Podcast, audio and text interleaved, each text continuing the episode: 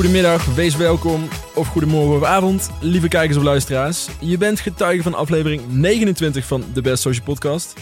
De podcast in Nederland over social media met gesprekken over social die je ook in de kroeg zou kunnen voeren, maar dan zonder aangeschoten emoties, dubbele tong, Django Wagner uit de speakers of die dronken meid die steeds verzoekjes doet waar de DJ helemaal geen zin in heeft. Met aan mijn zijde Diederik. Hoi. Hoe is het, dit? Heb je er weer zin in? Ik heb er heel erg veel zin in. Goed zo, goed zo. We hebben ook een gast waar we behoorlijk naar uitkijken. Eh, hij is techjournalist bij RTL Nieuws en duikt dagelijks in de wereld van hackers, cybercrime en de dark web. Eh, en als ik iets vergeet, dan eh, hoor ik dat ongetwijfeld van hem zo. En we zijn heel benieuwd naar zijn kijk op social media. Welkom Daniel Verlaan. Hey, hey, hallo. Hoe is het Daniel? Prima, helemaal goed. Net drie koffie op, dus ik ben helemaal klaar voor. Ja, precies. We zijn hyped. Ik tik net nog een dubbele espresso weg, dus ik kan weer mooi de hele tijd door je heen praten. Eh, als je iemand social account zou moeten hacken, wie zou jij kiezen en waarom? Oei. Eh, jeetje. Eh nou, allereerst, uh, hack is illegaal, dus Dat zou ik niet doen. dat zou ik Nee, niet het doen. Het Ehm, is, Nou, ik heb, ehm, ik, ik, heb, de, de, de, ik heb wel degelijk eh, social media accounts gehackt. eh, een keer voor een onderzoek. En dat was van ehm, volgens mij meneer Kees van der Staaij. Mm, eh, van de SGP. Eh, ja, die, ehm, Sympathieke persoon. Ja, nou, eh, we, dat, dat ging er toen over om, om te kijken of de, onze politici goed zijn beveiligd. Hè. Toen was het over de Russische ja. inmenging van de verkiezingen. En ik dacht, nou, weet je wat, ik ga eens even kijken of ze goede wachtwoorden gebruiken. Nou, ik had zijn wachtwoord gekraakt en dat was niet zo heel moeilijk. En eh, toen logde ik in bij hem. En toen heb ik ook nog een tweet vanuit hem gestuurd om onze RTL Nieuws uitzending eh, aan, te, te, zeg maar, te, te, aan te keilen. Eh, met dit account is lek en kwetsbaar voor hackers, is getekend. Het Daniel Verlaan en mijn collega Siebe Sietsma van Nieuwsuur nu inmiddels. De dagen ook, ja. Ja, en eh, ik wilde eigenlijk tweeten iets van... baas in eigen buik. Pro, ik ben pro-abortus of zo. Ja, Dat had ik eigenlijk tweeten, maar dat ik denk dat de hoofdredactie... Case dat, forever. eh, ja, dat, dat, eh, de, dat de hoofdredactie dat niet zo leuk zou vinden. Hmm. Ehm, maar ik heb eh, dat, dat, die accounts ook wel gehackt. Ja, welke, welke accounts zou ik hacken? Maar waarom Ik de Netherlanders. Netherlanders misschien. Ken je dat account? Nou, ja, dat is wel Dat is echt een een- Twitter-account. Ja, een vreselijk account vind ik dat. Ja. Met allemaal van die, elke dag van die normies erop, die elke dag weer eh, domme shit lopen te posten daar. En dat, dat zou ik wel, Vlaggetjes. ja, dat, dat account zou ik hacken en daarna van gelijk deleten. Ja. Dat is, dat, ik zie het altijd die meuk altijd voorbij komen in de timeline. ik ben trouwens ook wel getriggerd wat het account, of wat het wachtwoord is van Kees van der Staaij. Maar dat ga je...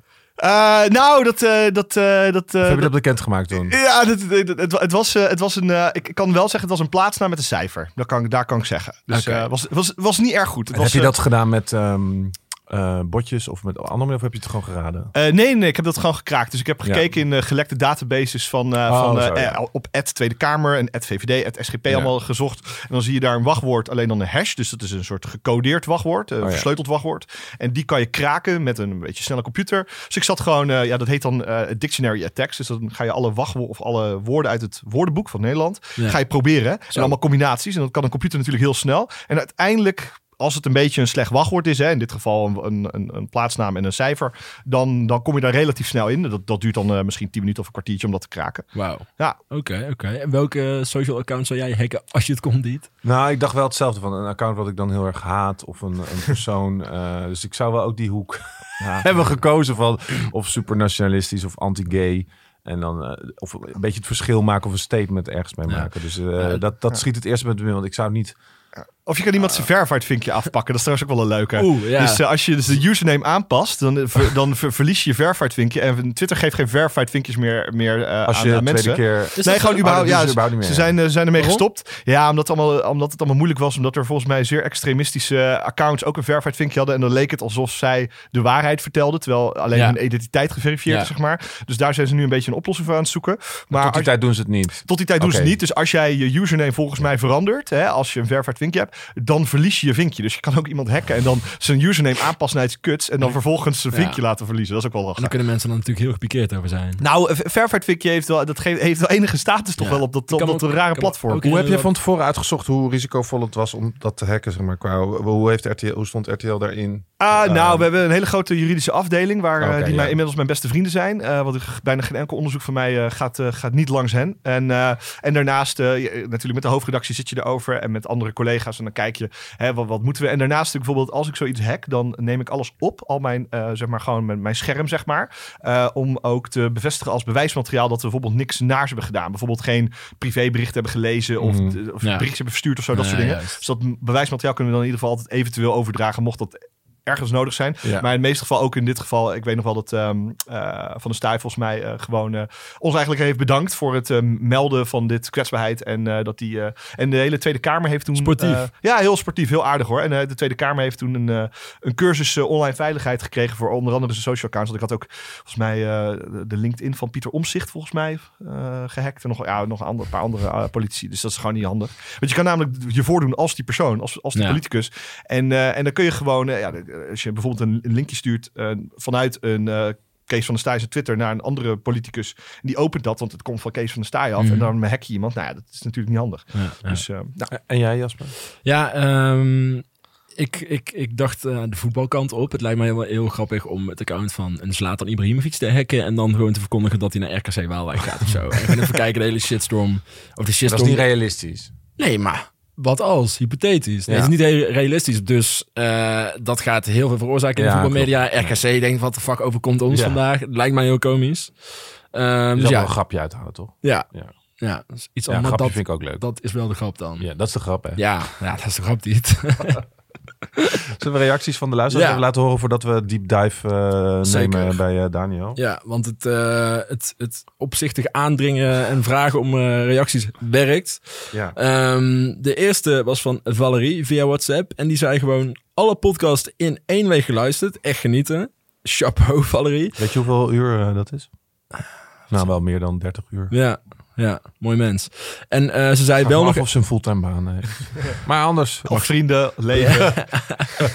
En, ehm, Nou, trouwens, even tussendoor. Ik heb een vriend die heeft in een week alle Reply All afleveringen geluisterd. Die was zo verslaafd. misschien is het juist En die je- werkt, eh, die is eh, striptekenaar. Ja. En die luistert ondertussen podcast. Ah, maar ik vond dat überhaupt wel heel... Wat volgens mij zijn er 100, 180 zoiets Maar weet je, dat is toch ook het hele Netflix binge. Als je de, de eerste aflevering, dan weer er nog een, nog een, nog een. Misschien kun je ook in zo'n flow komen. Ik heb een goede eh, binge tip. Binge ons. Binge ons, verdomme. Ja. Nou, het is eigenlijk de tip van Valerie. Ja, wij zien tegenwoordig dat 50% van de luisteraars überhaupt niet meer de nieuwste aflevering luisteren. Dus Ja. 50% van het luisteren is momenteel oude afleveringen. Dat vind ik natuurlijk heel Ja. leuk. Nou ja, Valerie, ik vind het in ieder geval heel tof dat jij gaandeweg op geen enkel moment hebt gedacht van... Oké, genoeg. En dat je gewoon alles hebt geluisterd. Dus thanks. Eh, we zijn blij met je. En ze zeiden eh, wel nog even over de captions. Eh, ze tipt het Instagram-account Girls with Irrelevant Captions. Want we hadden het er met Fabio over. Dat soms gewoon helemaal nergens op slaat. De foto van de influencer en de caption die er totaal niet uh, En dat is at girls with irrelevant captions. Ja. De tweede is van Raisa.katie via Insta. En die zegt, alhoewel ik de stem van Cato wel een beetje mis, vind ik wel echt dat Lotte het heel goed doet. Complimenten. Fun fact, we hebben geen Lotte, maar Brit in de podcast. maar ook met jou zijn we blij, Raisa. ja, je mag er zijn. Ja, je mag er zeker zijn. Eh, En Lotte ook. Lotte ook, ja, ongetwijfeld. Eh, de derde is, hoi, ik ben Clara. Ik ben 17 jaar en ik dacht dat het misschien wel leuk is om een spraakbericht te sturen, omdat jullie daar elke podcast zo op aandringen. Groetjes. Hoi, ik wou even zeggen dat ik jullie een hele leuke podcast vind. En dat ik jullie altijd luister op de fiets. Want ehm, ik moet ongeveer 27 kilometer naar school fietsen en weer terug. Eh, dat doe ik wel elektrisch, maar dat is super saai. Behalve als ik muziek luister of naar jullie podcast. Dus mijn ervaring met social media is dat ik vooral veel te verslaafd ben aan het scrollen door Instagram, het kijken van YouTube en het bijhouden van mijn snapstreaks. En ik weet niet zeker of jullie nog weten wat dat is. Eh, aangezien jullie doelgroep een beetje richting Facebookgroep gaat. Ehm, maar eh, dat is dat je elke dag een foto via Snapchat moet versturen. En na een paar dagen dat te doen, komt er een getalletje tevoorschijn. En als je dat eventjes vergeet, dan verdwijnt het getalletje weer. En ik zit met sommige mensen al op de ongeveer 200 eh snapstreaks. Ehm, en dat maakt dat je best wel veel ermee bezig bent. Dat je bij alles wat je doet op een dag denkt: is dit leuk genoeg voor mijn streaks of voor mijn story? Ehm, dus ik vroeg me af eh, wat jullie mening daarover is. Doei! Thanks, Clara. Nou, wat is jouw mening over Snapstreak? Ik moet er even bijkomen van de Facebook-belediging. eh. Van de generatiekloof. Hele Dus, eh, zieke burn was dat. ja. Ja. ehm, ja, de Snapstreak. ehm denk je, wat even tussen, denk je dat zij een burn maakt? Of denk je nee, dat ze het meende? niet. Ze denkt gewoon echt dat wij eh, wellicht niet echt... eh, nou ja, ik denk dat wij allebei meer op Facebook zitten dan dat we een Snapstreak bijhouden. Dat moeten we erna geven, Dat is waar. Ja, Oké, dus ja. true. ja, Dankjewel, zo is het ook weer. Mijn lievelingsfan. Maar dus ja, zij vroeg eh, onze mening over Snapstreaks. Nou ja, ik denk dat het misschien een beetje eh, eh, symboliseert inderdaad hoe verslaafd de jeugd net als... Ik vind het een hele slimme feature. Ik kende hem wel ook, Clara. slim, Ja. Jij wist ook wat het was, toch? Ja, ja, ja. En jij ook. Ja, ik wist het ook wel. Ja, gebruik je Snapchat? Nee, Nee, oké. nee. Ik gebruik het nu bijna niet meer. En ik heb wel een tijdje streaks met mensen gehad. Dus, Clara. En dat heb je ook met mensen. Dus dat je dan samen inderdaad eh, dezelfde Ja, streak die- vasthoudt. Ja, Ekato eh, eh, was dol op streaks. Dus daar ken ik het ook een beetje van. Die Oké. had hele lange streaks met haar vrienden. Ja. Überhaupt was Snapchat heel populair, vooral voor chatten. Ja. Volgens mij nog steeds. Maar en dan geeft Snapchat volgens mij ook gewoon de notificaties van... Yo, denk aan je streak. Toch? Dat doen ze toch? Notificaties weet ik even niet. Clara, mij kun je daar nog even over inbellen? Ja, zou fijn zijn. Of stuur een berichtje in onze gloednieuwe pot. Hè? Ja. Ja, Ja. want eh, vorige aflevering beloofden we dat we een pot zouden hebben. En jawel, hij is er. We hebben al eh, heel veel leden. Het is een beetje eh, moeilijk om nu te zeggen hoeveel, want over twee weken komt dit uit. Dus dan is het misschien wel weer meer. Maar we zijn heel erg blij met alle input. En de bit.ly naar de pot in Telegram staat in de omschrijving van deze podcast Ja. die je nu luistert. Ehm, wat wilde ik daar verder over zeggen, over die pot? Nou, dat het gewoon... Oh ja, eh, dat het heel leuk is om andere reacties te lezen. Ja, ja. En dus ook nou aan eh, dat jullie dit een Facebook-podcast vinden. Poeh, die moet, ik- moet Ja. er nog steeds een beetje van bij Misschien moeten we streaks in onze pot gaan doen en dat Clara dan ook eh, joint. Ik weet niet of dat kan niet, Jasper. Of bedenk iets dat, ieder, oh ja, dat iedereen de hele dag moet doorchatten verplicht. precies. Ja. Dus alle, we hebben nu volgens mij op deze dag hadden we 86 leden volgens mij nu. Nu, toch? Ja. Zoiets? Ja. Ja, dan eh, die moeten elke dag iets zeggen. Anders word je eruit gekikt. Oké, klaar. Next. Iemand die eh, ook weer van zich liet horen was onze grote vriend Auke. Die, eh, eh, die een voice memo eh, instuurde. En die krijg, krijgen we ook weer te horen, want Auke verdient het. Dus eh, komt-ie. Hey lieve mensen van de Beste Social Podcast. Daar ben ik weer, Auke, voor een derde keer. En dit keer heb ik een vraag voor jullie. Het YouTube-landschap is steeds meer aan het veranderen en er is heel veel praat over de COPPA-wet en over de content voor kinderen en hoe, dat, hoe daarmee om moet worden gegaan. En ik vroeg me af, hoe vinden jullie dat daarmee om moet worden gegaan? Vinden jullie dat alle content voor kinderen beschikbaar moet zijn op het internet? Of vinden jullie dat daar toch wel wetten voor moeten zijn en dat we daar heel veel op moeten gaan letten? Ik hoor graag wat jullie ervan vinden en wie weet, tot de volgende keer. Ik vind het een eh, hele mooie voor Daniel. Ik heb geen idee wat hij bedoelt. Nou, Content voor of je kinderen. vindt dat überhaupt kinderen, dat kinderen alles moeten kunnen zien. Wat nu volgens mij zo is natuurlijk. Mhm. Ik bedoel, Nee, ik vind niet dat ze alles moeten kunnen zien. Nee, oké. nee absoluut niet. Wat er, Eh, open, wat er beschikbaar is. Ja, Eh, nee, ik zou, nee. ik zou als, ik een, als ik een kind zou hebben en eh, dan zou ik daar eh, YouTube Kids voor gebruiken, zeg maar. Ja. De, de, die eh, speciale app en niet de standaard YouTube. reclame in mijn, eh, in mijn smoel, krijg ik dat. Ja. YouTube Kids. Ja, nee, ik, het schijnt best wel goed te zijn. Ik, ik weet niet hoor, maar ik zou wel zoiets iets proberen om te kijken van hoe gaat de, mijn kind eerst daarmee Ja. om. Om vervolgens te kijken van eh, wanneer kan ik eh, eh, mijn kind toegang geven tot... Hangt natuurlijk ook af volledige van de leeftijd internet. van een kind. Want Zeker, Een kind zeker. van een... Ik bedoel, mijn eh, eh, Ja, kind van 17 achterneefje of zo 14. is... Ja, ja, maar kind, ja, maar die is bijvoorbeeld volgens mij elf of zo. Ja, die kan echt al zelf wel zijn informatie vinden. Ja, ik denk het ook. En als, als ik ooit een kind krijg, denk ik dat ook een nerd wordt. Ja. en eh, ik denk dat hij dan mij... eh, eh, zeg Maar kinderen van nu zijn natuurlijk ook al meer nerd in die Zeker. zin. Die weten echt wel... Ik bedoel, toen ik zelf het internet ontdekte was ik 13 volgens mij. En ik wist meteen waar de porno stond. Ja, dus, ik ook. Ja. Ik ben ook niet, eh Dus per se slechter van geworden, toch? Nee, Eh, ik leef nee. nog.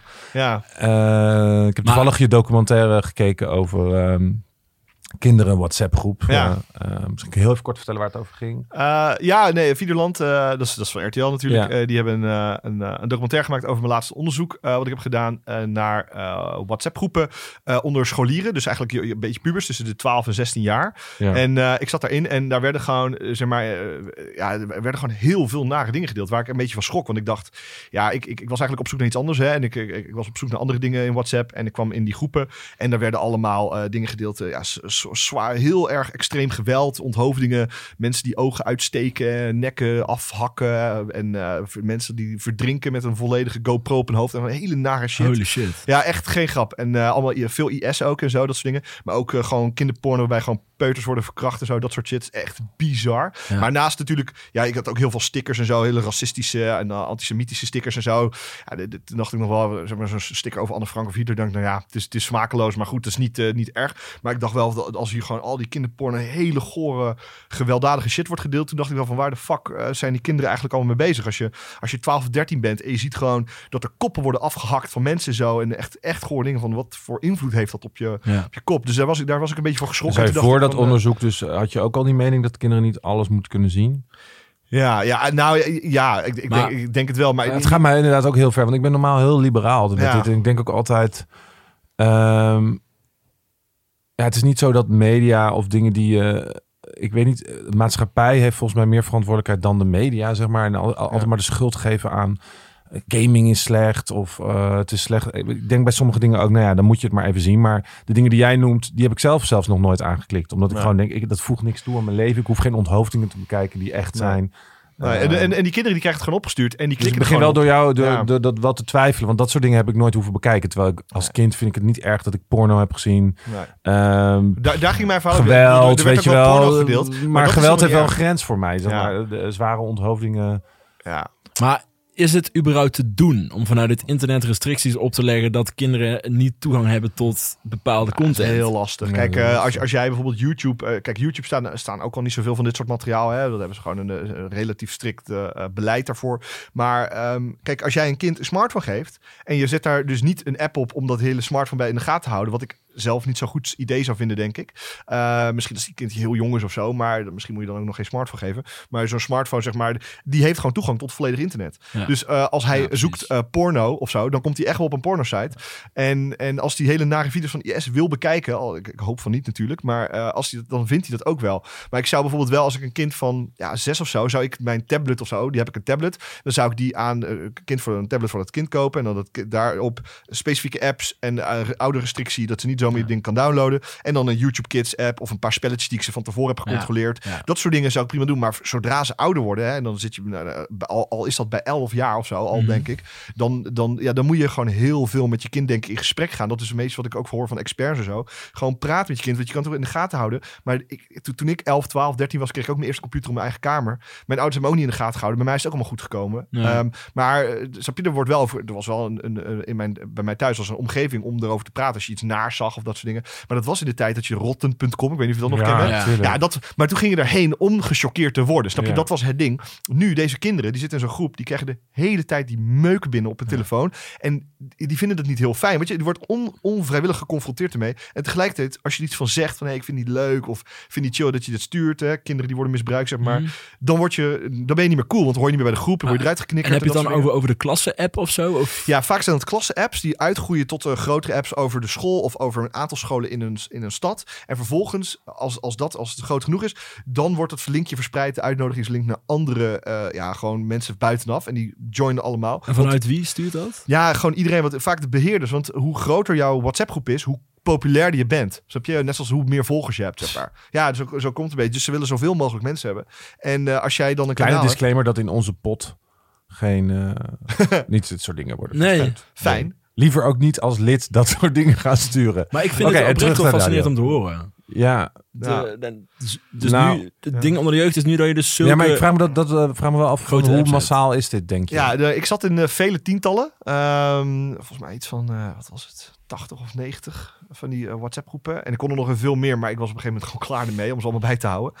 En, eh, maar ik- van wat ik hoor, zeg maar, is dat dit probleem was voor zover bekend, tenminste, het was niet zo bekend. Mensen wisten niet dat dit gebeurde, vaak ouders en scholen en dat soort dingen. Maar onder de jongeren die wij spraken, zat, wij, hadden, wij hebben ook wat van die, van die beelden die wij hadden, eh, ge, ge- zeg maar, hadden we gezien, hebben we ook aan wat kinderen laten zien, zeg maar, voor de documentaire ook en Mhm. zo, om hen een reactie te krijgen, om met toestemming van ouders en kinderen, en dubbele toestemming naar, naar het, eh, het heel gedoe, eh, zo'n hele, Ja. hele, hele rits beleid, zeg maar. Maar ehm, die kinderen die zeiden, oh ja, dit ken ik al, dit ken ik al. En het waren echt, echt heftige video's wel hoor, dat ik echt dacht van, eh, snap je dat soort dingen.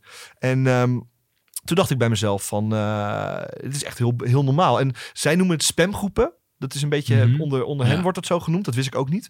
Maar voor, voor ik, ik, en ik heb het ook maar, zeg maar, bij, mijn, bij mijn neefjes en nichtjes en zo. Het is gewoon be- best wel, ja, het is gewoon normaal eigenlijk. Het is heel, heel bizar. En ik wist niet dit fenomeen. En ik denk ook heel veel mensen van, van mijn leeftijd en ook ouders niet. En, en ik vind het heel cool om nu te horen, want ik krijg best wel veel e-mailtjes binnen van mensen die de documentaire nu gebruiken op school als lesmateriaal. Dus Ja. dat zijn docenten van de, de MAVO, de HAVO, de VWO, dat soort dingen en zo. Die dus gewoon dat gebruiken, eh vooral in de brugklas. Van hey, kijk, dit kan er gebeuren en je zullen erover praten en dat soort dingen in de mentorles. Nou, dat vind ik super gaaf om te, om te Ja, zien. Ik vind het echt heel goed wat je zegt over praten over. Want ik denk dat dat het belangrijkste is. Ja. weet je. Het is niet zo'n drama, denk ik, als als je dingen ziet, verandert het niet meteen je hele leven. Nee, geloof ik niet zo heel erg in. nee ik ook niet. En vooral niet dat dat effect dat heeft. Dus ook met, eh, ja, ik groeide op met geweld met GTA en alle waarschuwingen omheen. Ja, Ja, maar dat is wel altijd, bijvoorbeeld GTA van mij, de, de, echt, de, wij, wij zijn GTA 1 en zo, dat je mensen kon overrijden. Dat Ja. was geen pixelig, hè? Dit is, Ja. dit is gewoon Dit is wel letterlijk. heel echt, ja. Ja, Heel en, en- echt. ja, en daarnaast die kinderen. We hebben ook een paar van die kinderen gesproken. Die zeiden gewoon, ja, sommige, sommige beelden heb ik gewoon een nacht of twee nachten niet door kunnen slapen. En ja, dat, dat is natuurlijk niet goed. Nee, en ik maar heb echt nooit... niet. Nee, en Nee. echt gewoon niet. En ik heb dus, en ik heb dus, ik heb nooit niet kunnen slapen door een spelletje dat ik heb gespeeld Nee. of zo. Kan ik me niet herinneren in ieder geval. Maar wacht even, die kinderen kunnen natuurlijk wel gewoon de groep verlaten als ze dat willen. Ja, maar dat is niet, dan hoor je er niet meer bij. Nee, precies. Er is dus wel gewoon echt zo'n sociale fucking druk eh, in Ja, dat zegt, zo, dat zegt zo'n meisje ook in onze documentaire. Die zegt gewoon, ja, ik, ik, ja, ik ga niet zo, ik ga die groep niet verlaten, want dan hoor ik er niet meer bij. En ik, durf er ook niet echt iets van te zeggen, want dan ben ik een beetje de kneus, zeg maar. Toch klinkt het, ja, klinkt, ik wil er niet te boute uitspraak over doen, maar toch denk ik ook wel ergens dat het nog erger is om niks in je leven te zien. Ja. Hè, om, om zeg maar het tegenovergestelde. Ik zou ouders ook niet willen aanraden van eh, eh, doe, laat je kind eh, buiten de internetrealiteit, want dan val je ook buiten de maatschappij. Heel veel ouders En- zijn ook, willen ook zo'n telefoon monitoren, hè, met zo van die, van die apps erop, dat je alles kan bijhouden wat een kind Ja, typt, dat wat vind ik al een goede parenting Dat tip, vind ja. ik echt heftig, man. Eh, ik bedoel, als een kind eh, vijf of zes of zeven is misschien Allah. Vind je dat goed, Jasper? Nou, als je, eh, ik hoor jou net voor het eerst zeggen van je kunt een app downloaden dat je een beetje kunt zien Ja. wat jouw kind doet. Ik denk dat tot een bepaalde leeftijd vind ik het geen slecht idee. Eh, dat je wel als ouder misschien ziet wat je kind uitspookt op die smartphone. Want Ja. een smartphone is wel gewoon eh, een deur naar de hele fucking wereld en het hele internet. Dus inderdaad, ik wil niet vanaf mijn elfde dat, mij, eh, dat mijn ouders misschien zien wat ik allemaal aan het doen ben. Maar die eerste paar jaren dat je een smartphone hebt, dan vind ik het, vind ik het persoonlijk, eh, nou ik dit hoor, zou ik misschien overwegen. Nou, ik ga misschien zo'n app inderdaad, eh, als, als, als ik mijn kind voor kat. ja, nee, maar als ik mijn kind voor het eerst een smartphone geef, Maar je, je, je kind geeft je toch wel pas een smartphone. Ja, ik weet niet hoe, hoe oud je maar elf of zo misschien, denk ik. Of twaalf. Ja. Jonger al, wel weer? Wel. Ik zou was jij toen jij je eerste telefoontje had? Jeetje. Ik, weet heb zo'n dat ik- oude bandtelefoon volgens mij met zo'n uitschuifantenne. Ja. Nu link echt als een opa spreken. Hè? En, uh, maar dat was, eh, eigenlijk, ik ben eh? 30. Oké. Oké. Dus nee, ik, ik denk dat ik 12 was of 13, want toen ik naar de brugklas ging ongeveer. Ik denk 12. Ja. En dan kon ik mijn ouders bellen als er iets was of zo, weet ik nog wel. Maar het was echt zo'n koelkast was dat nog. Ja. Ik denk dat ze nu ongeveer 11 zijn, of, misschien, misschien 10 al wel. Trouwens, zou ook wel kunnen. Mijn neefje was volgens mij 10 of 9. Die had al heel veel zelf geld gespaard om, om een telefoon Ja. te kopen. Maar ik zou, ik zou beginnen met een tablet geven aan die kinderen. En die kinderen, en, en dan kun je ook gewoon zien wat zij in die browser doen en zo. Ik, ik denk niet dat een kind van 7 of 8 misschien al weet hoe die de webgeschiedenis, of dat hij het idee heeft dat hij de webgeschiedenis moet, Nee, moet ja. verwijderen. Ja. Maar ik, ik weet niet, ik vind, al- ik vind zeg maar ouders, ik heb ook ouders gesproken die hun puberzoon van 15 gewoon of 16 gewoon met dat soort apps in de gaten houden. Ja, dat vind ik echt niet oké. Nee, dat is niet heel Snap je? nee. Eh, dat zijn Ja. jongens die bezig zijn al, of gewoon pubers die bezig zijn met relaties, met, Seksueel met seksuele, seksuele eh, ontdekking van zichzelf, van anderen. Ja. Eh, en die zoeken ook de grens op, snap je? Ik, ik ging vroeger, stal ik ook wel eens extra bier uit de, de kelder van mijn ouders om dan stiekem op te drinken en eh, en spijbelen en een blootje hier en daar. Gewoon dingen, je moet de dingen doen die, die, die buitensporig zijn, om het zo te zeggen, om ook volwassen te worden. Ja. Ja, maar dat vond ik zelf zo tof aan het internet. Dat ik zelf in Leerdam woonde en ik vond het fucking saai. En ik vond het zo tof dat ik alles kon ontdekken op, het, op internet. Als mijn moeder dat... Ik vond het ook kut dat ik wist dat mijn broer de history bekeek, weet je. Maar ik Ja. bedoel... Ik vond het wel heel tof dat ik zelf op mijn ontdekkingstocht kon. Ik vond dat het tofste. Ik denk dat het een van de dingen is waarom ik zoveel hield van social media. Ik ben al, eh, van internet. Dat is ook een van de redenen waarom ik altijd een beetje gevoelig ben over dit onderwerp. Ik ben zo bang dat dat... Het is ook wel zo te tof krampachtig dat, zijn. ja, dat ja. een soort denk evil ik, gaan zien. Ja, het heeft, het heeft mij en ik Ja. denk heel veel mensen zoveel gebracht dat je wereld zoveel groter wordt. En tuurlijk, het heeft heel veel kut-effecten helaas. Ehm, maar ja, ik vind de, de pluspunten ook zo gaaf, zeg maar. Ik vind het zelf zo... Ja, Tof, ik, ik dus- ben ook helemaal niet voor restricties en zo en dat soort dingen hoor. Ik ben vooral gewoon eh, dat mensen hiervan op de hoogte zijn. Dat, dat ouders en docenten op scholen vooral, dat zijn belangrijke mensen hierin. eh, dat die praten met hun kinderen over eh, deze problematiek. Ja. Over cyberpesten, over, over nare dingen die ze te zien krijgen. Over wat je daarmee kan doen. En dat soort dingen en zo. En ik denk dat zeg maar, praten erover altijd het belangrijkste is. Ja, we hadden toevallig een gesprek over TikTok tijdens, mijn, tijdens de laatste Sinterklaas eh, viering. En toen eh, dan hoor je meteen een paar, ik weet niet meer wie het waren binnen mijn familie. Ja, stom. En dan moet je je kinderen, nee joh, die kinderen moeten daar niet op. En bla bla. En die moeder zei wel meteen, nee hoor, de, we hebben het daar gewoon over. En ik mag alles zien. Ja. En alles staat op privé. En die wist precies waar ze het over had. Ja, Eh, heel slim. En eh, dat vond ik zo fijn. Weet Ja. je, dan denk ik, ja, zo hoort het. En juist die reactie van meteen, nee, rot op met je TikTok en dit. En Want dan gaan, ze, dan gaan ze stiekem doen. En dan gaan ze stiekem doen en dan Ja. heb je geen overzicht meer. Je moet juist er open over zijn. Plus dan krijgen je kinderen ook een erger beeld van TikTok dan dat het daadwerkelijk is als je Ja, en ouders ook- er zo eh, allergisch op reageren. Ja, en- en, laten we eerlijk zijn, in deze tijd geen TikTok eh, als kind, dan hoor je er ook echt niet bij. En het is gewoon iets wat alle kinderen nu doen. Dat is ook gewoon wel echt, lijkt me echt heel kut als je daar niet op mag. Het is een beetje wat vroeger bij ons dan de gereformeerde kindjes in onze stad waren. Weet je? Dan, oh ja, die gingen dan voor de, voor de tv-winkel staan. En die stonden dan allemaal zo op een rijtje zo, met hun mond open Kijken voor de er tv. gebeurt. Ja, wat er op de tv was, omdat ze geen tv mochten kijken. Ja, Ja. ik vind dat niet gezond. Nee, fair enough. Oké, hey Daniel, we hebben je niet heel goed voorgesteld, vind ik eh, zelf. Eh, dus misschien leuk voor de mensen die je niet kennen, maar misschien ook voor de mensen die je wel kennen. Van, waar kom je vandaan? Je bent blijkbaar 30. Eh, misschien kun je iets meer vertellen. Ja. Misschien, Over, misschien in een eh, notendop van je schooltijd tot nu of zo. Eh. hoe, je, hoe je in het werkveld... eh, Ja, Eh, Oké, eh, ik, eh, ik ben geboren in Luxemburg. Oh, fun eh, fact. ja, dus eh, dat is. eh, Ben je ook dus- Luxemburgs? nee, nee, nee. Ik ben om het, ik ben om mijn derde daar weggegaan. ja, Luxemburgs, ja. Nee, ik ben om mijn derde weggegaan. En toen ben ik opgegroeid in Roosendaal, Brabantse Roosendaal. Dus eigenlijk gewoon een Niks mee met. Brabant. Nee, ik ook niet. Ehm, dus ik ben ook heel snel weggegaan. Ik, heb een jaar, ik heb een jaar verloren studie gedaan in Breda. Small business en retail management. Omdat ik mijn eigen café wilde openen. Omdat ik erg van bier hield. Ehm, briljant idee op mijn zeventiende natuurlijk. En eh, ik ben uiteindelijk, eh, daar ben ik bij een studentenvereniging gegaan. Dat heette Dagobert, weet ik nog wel. Zo echt zo'n ballerige studentenvereniging. Daar ben ik uitgetrapt omdat ik niet ballig genoeg was, maar eigenlijk een te grote nerd was. Omdat ik liever gamede dan achter de meisjes aanging. En ehm, toen, toen dacht ik van nou, fuck jullie allemaal. Jullie hebben mij eruit getrapt. Ik was heel boos. Ben ik naar Utrecht gegaan. school van journalistiek gedaan daar, omdat ik van schrijven hield. En er was toen nog de inloting op die school. En ehm, eh, dat, eh, ik had me verslapen, want ik had een kater. En, eh, dus ik heb niet die inloting gedaan. En dus ik was uitgeloot. Toen ben ik, wilde ik eigenlijk bedrijfscommunicatie gaan studeren. dat is echt vreselijk. Word je gewoon PR-medewerker eigenlijk. Ehm, nou ja, dat vond ik, dat, ik dacht, ja, Jezus, boeien. hoe kom je daarbij? Ja, ik dacht, ja, dat is. Ze zeiden van die school, de Hogeschool Utrecht, zei ja, dat is het vergelijkbaar met journalistiek, maar dan voor bedrijven. Ik denk, nou, ga ik dat maar doen, boeit me allemaal niks. En toen de dag voordat de studie begon, zeg maar, of het weekend ervoor, toen belde de hogeschool op en die zei, ja, er zijn een paar mensen gestopt met de opleiding, die zijn een master gaan doen of die hebben toch een andere studie gekozen die eigenlijk in waren gelood. En we hebben willekeurig iemand gekozen en jij, jij mag eh, de journalistiek gaan doen. Dus ik had al mijn boeken al gekocht voor bedrijfscommunicatie en zo. En toen dacht ik, oh nou, vet, mag ik toch journalistiek gaan doen. En eh, ik kwam daar eh, de eerste dag eh, binnen in de, in de klas. En ik ontmoette toen gelijk mijn beste maat eh, nog steeds. En, eh, en vanaf toen was het eigenlijk allemaal prachtig. Ik vond, echt, eh, vond, vond die, van die studie allemaal vreselijk overigens. Maar eh, want ik zat alleen maar, ik, wa- ik was eigenlijk vooral eh, aan, aan het feesten. Tijdens de, ik ging eigenlijk niet naar de, naar de les toe. Ik ging gewoon niet naar les en dan deed ik de herkansing. En die haalde ik dan met een zes. Ja, Zo, ja. zo, zo kwam ik mijn, mijn studie door. En, eh en langzaamaan wilde ik, ja, en wilde langzaamaan wilde ik eh, muziekjournalist worden. Ik wilde eigenlijk over muziek schrijven. Eh, dat wilde denk ik iedereen, want iedereen houdt van muziek. En ik vond schrijven leuk. Dus eh, heel veel mensen wilden muziekjournalist worden of sportjournalist, ook veel mensen. En toen ik dat niet kon worden, omdat ik gewoon te slecht was erin. en een beetje klaar was met allemaal indie bandjes luisteren. Toen ben ik naar... toen wilde ik eh gamejournalist worden over games. Nou, er was geen droog brood in te verdienen ook. Echt, ik kreeg je 25 euro of 30 euro per artikel. Nou, dat staat natuurlijk helemaal nergens op. En, Hoezo? eh, dat betalen wij ook al zo. ja. En eh, eh, toen uiteindelijk ben ik technologie gaan, of eigenlijk in de technologie verdie- verdiepen, omdat ik altijd al een nerd was. Ik, ik hield van gamen, ik hield van eigen computers in elkaar zetten, websites bouwen, dat soort dingen en zo.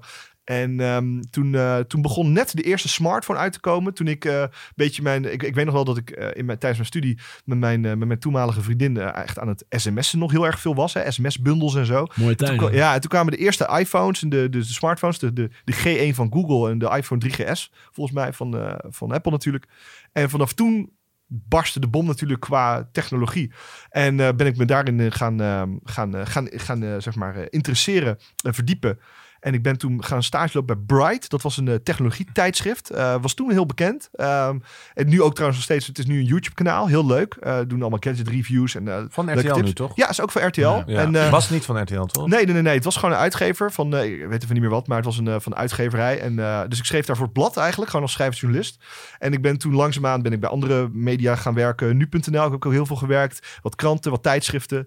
En uiteindelijk ben ik eh, via ehm, Bright, mijn oude stage, stageplek, eh, ben ik bij RTL terechtgekomen. Omdat RTL nam Bright over als techmerk. Van, dat vonden ze tof. En eh, mijn oud stagebegeleider, ehm, Erwin van der Zanden, die, eh, die zat daar. En die zei, eh, ze zochten bij RTL nog een, eh, een, eh, een technologiejournalist. En, eh, en hij zei van, nou, misschien wil jij dat wel doen. En toen eh, ben ik dan op gesprek gegaan. En, eh, en sindsdien werk ik daar eigenlijk. Dus, Hoe lang is eh, dat nu? Cool. dat is nu iets meer dan vier jaar. Vier en een half jaar werk ik daar. En eh, dus dat was. Ik wilde ook heel graag een contract hebben. Want in de journalistiek is het allemaal heel moeilijk contracten. En eh, er worden, er worden redelijk wat mensen uitgebuit. Vooral in die tijd. En eh, ik was freelancer. En ik kreeg bij nu.nl maar geen contract.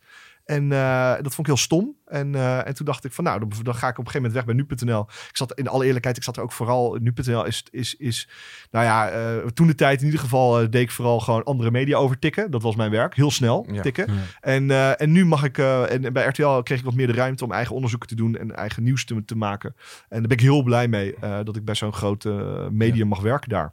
En we hebben je natuurlijk niet alleen maar uitgenodigd omdat je een eh, journalist bij RTL bent. Eh, we zoeken altijd naar het haakje social media. Ja. Ik vond het zelf wel interessant dat je natuurlijk best wel een naam voor jezelf gemaakt hebt, ook op Twitter, eh, voor je werk. Hoe is je verhouding tot bijvoorbeeld Twitter en social media, tot, tot je werk? Staat dat heel erg met elkaar verbonden? Want zo zagen wij dat wel een beetje van... eh, ja, anders kunnen we iedereen kunnen we ook een eh viool, eh, die, iemand die heel goed viool spelen uitnodigen. maar goed, het is uiteindelijk wel leuk als je ook iets hebt met social media, behalve als je Rianne van Dorst heet. maar goed, die maakt helemaal je foto's op voor Instagram. Maar in principe vinden wij het heel leuk als, de, als, ja, als het een, een combinatie is tussen beide. Dus je hebt heel interessant werk, maar ja, je, je gebruikt er ook social media voor. ja. Hoe zie je dat zelf, zeg maar? Ehm, ook in de afgelopen 4,5 jaar. Ja, nou, dat is wel. Ik, ik, ik twitterde echt al heel lang, zeg maar. Ik, ik heb Twitter aangemaakt op de school voor journalistiek. En toen, ik weet nog dat ik echt allemaal oude tweets had met. eh, ben nu at school. Zo, dat Ja. de ad verkeerd gebruikt, dat soort shit en zo. En eh, eh, oh, ben, ben echt brak of zo, maar dat soort tweets en zo. Hives. Ja, dat soort meuk. En ehm, eh, dat was ook inderdaad nog in de periode van Hives, weet ik nog wel. Want eh, ik, ik, ik weet nog dat, ik, dat, dat mijn, mijn beste maat, eh, die, die zat toen op Facebook al. Want die had Amerikaanse vrienden. Ja, en eh, dat was echt een heel ding. Dus die zat Ja. toen al op Facebook. Ik dacht, Facebook, wie zit daar nou? Echt, dat, dat, ja. dat gedoe. Het klinkt wel heel erg oudbollig de hele tijd. Ja. Maar, maar goed. eh, Cla- ja. eh, sorry, hoe heet ze? Ja, Clara heeft wel een beetje gelijk. Ja. En, ehm, eh, maar Twitter is wel eh, in de tijd eh, als journalist is dat Twitter, Twitter is sowieso een belangrijk medium als journalist. De, op Twitter zitten belangrijke mensen vaak, om het een beetje stom te zeggen, Ja. maar journalisten, opiniemakers, politici, CEO's van bedrijven, allemaal dat soort mensen. Dus en en ik, zat daar, ik zat daar en het was eigenlijk wel, wel prima. Ik, ik was als nu.nl. Ik weet nog wel dat ik als nu.nl zat ik heel vaak te haten op de NPO, weet ik nog wel. Altijd belastinggeld grapjes te maken en dat soort dingen en zo. Ik weet niet zo goed waarom. Dat was een beetje de, de running gag daar bij nu.nl. En da- daar gebruikte ik Twitter vooral voor, voor een beetje te kutten. En toen ik bij RTL kwam, toen, ehm, toen kwam ik opeens met mijn kop op tv. En, ehm, eh, en dat was wel, dan, dan word je opeens wat bekender, zeg maar. En ik ben ook langzaamaan Twitter meer gaan inzetten als een soort ehm, eh, plek eigenlijk waar ik wat transparanter kan zijn in mijn onderzoeken. Omdat ik vrij heftige, gevoelige, nare, moeilijke, ethisch eh, eh, lastige onderzoeken soms doe. ja. En, eh, en dan geef ik gewoon een kijkje in de keuken. En ik, en ik, vind, ik vind ook als journalist ehm, vind ik het goed als je transparant bent en gewoon zegt: hey, ik heb dit onderzocht op deze manier. ik heb deze keuze erin gemaakt en ik ben tot deze conclusie gekomen. En dat je dan gewoon een kijkje in de keuken geeft en dat mensen ook daar kritiek op kunnen hebben. Dat mag. Ehm, dat mensen ook vragen kunnen stellen aan je. Van hey, waarom heb je die keuze gemaakt? En dat ik daarop kan reageren. En ik vind het ook wel fijn om een beetje een, ehm, een eh, ja, een, een, een, zeg maar, een, eh, een, eh, dat, dat, dat iemand het idee heeft dat hij mij gewoon maar kan aanspreken. Dat vind ik eigenlijk wel heel, heel, heel fijn. En toch is journalistiek wat meer, dat was vroeger een beetje ivoren toren. En dat is toch nu nog echt een beetje, je, snap je, je, je moet er één, één van het volk, om het zo maar te zeggen, zijn. Vind ik heel fijn op die manier. Dat omdat doet je- lang niet iedereen. Nee, nee, ik, nee, dat doet lang niet iedereen. Ik vind, ook, ik vind het ook heel raar, want je kan met, eh, met eh, Twitter eh, en überhaupt social media kan je ontzettend bereik creëren. Maar je kan ook veel mensen aan je, aan je krijgen, zeg maar, dat ze vertrouwen krijgen in je. Ik heb ook via Twitter ontzettend veel te danken qua tips. Maar daar was ik benieuwd naar, inderdaad, of het je onderzoek... Ja, het helpt ontzettend. Ja. Ehm, dus als mensen zien dat ik, zeg maar, ik ben transparant over mijn onderzoeken en ik, ik tweet ook altijd mijn nieuws natuurlijk en ik, hoe ik dat heb gedaan. En als mensen dan denken van, hé, hey, dat heeft hij goed gedaan. En of hij heeft bijvoorbeeld de, anonieme, de anonimiteit van een bron beschermd, hè, dat is natuurlijk Ja. ook wel eens belangrijk Ja. met tipgevers.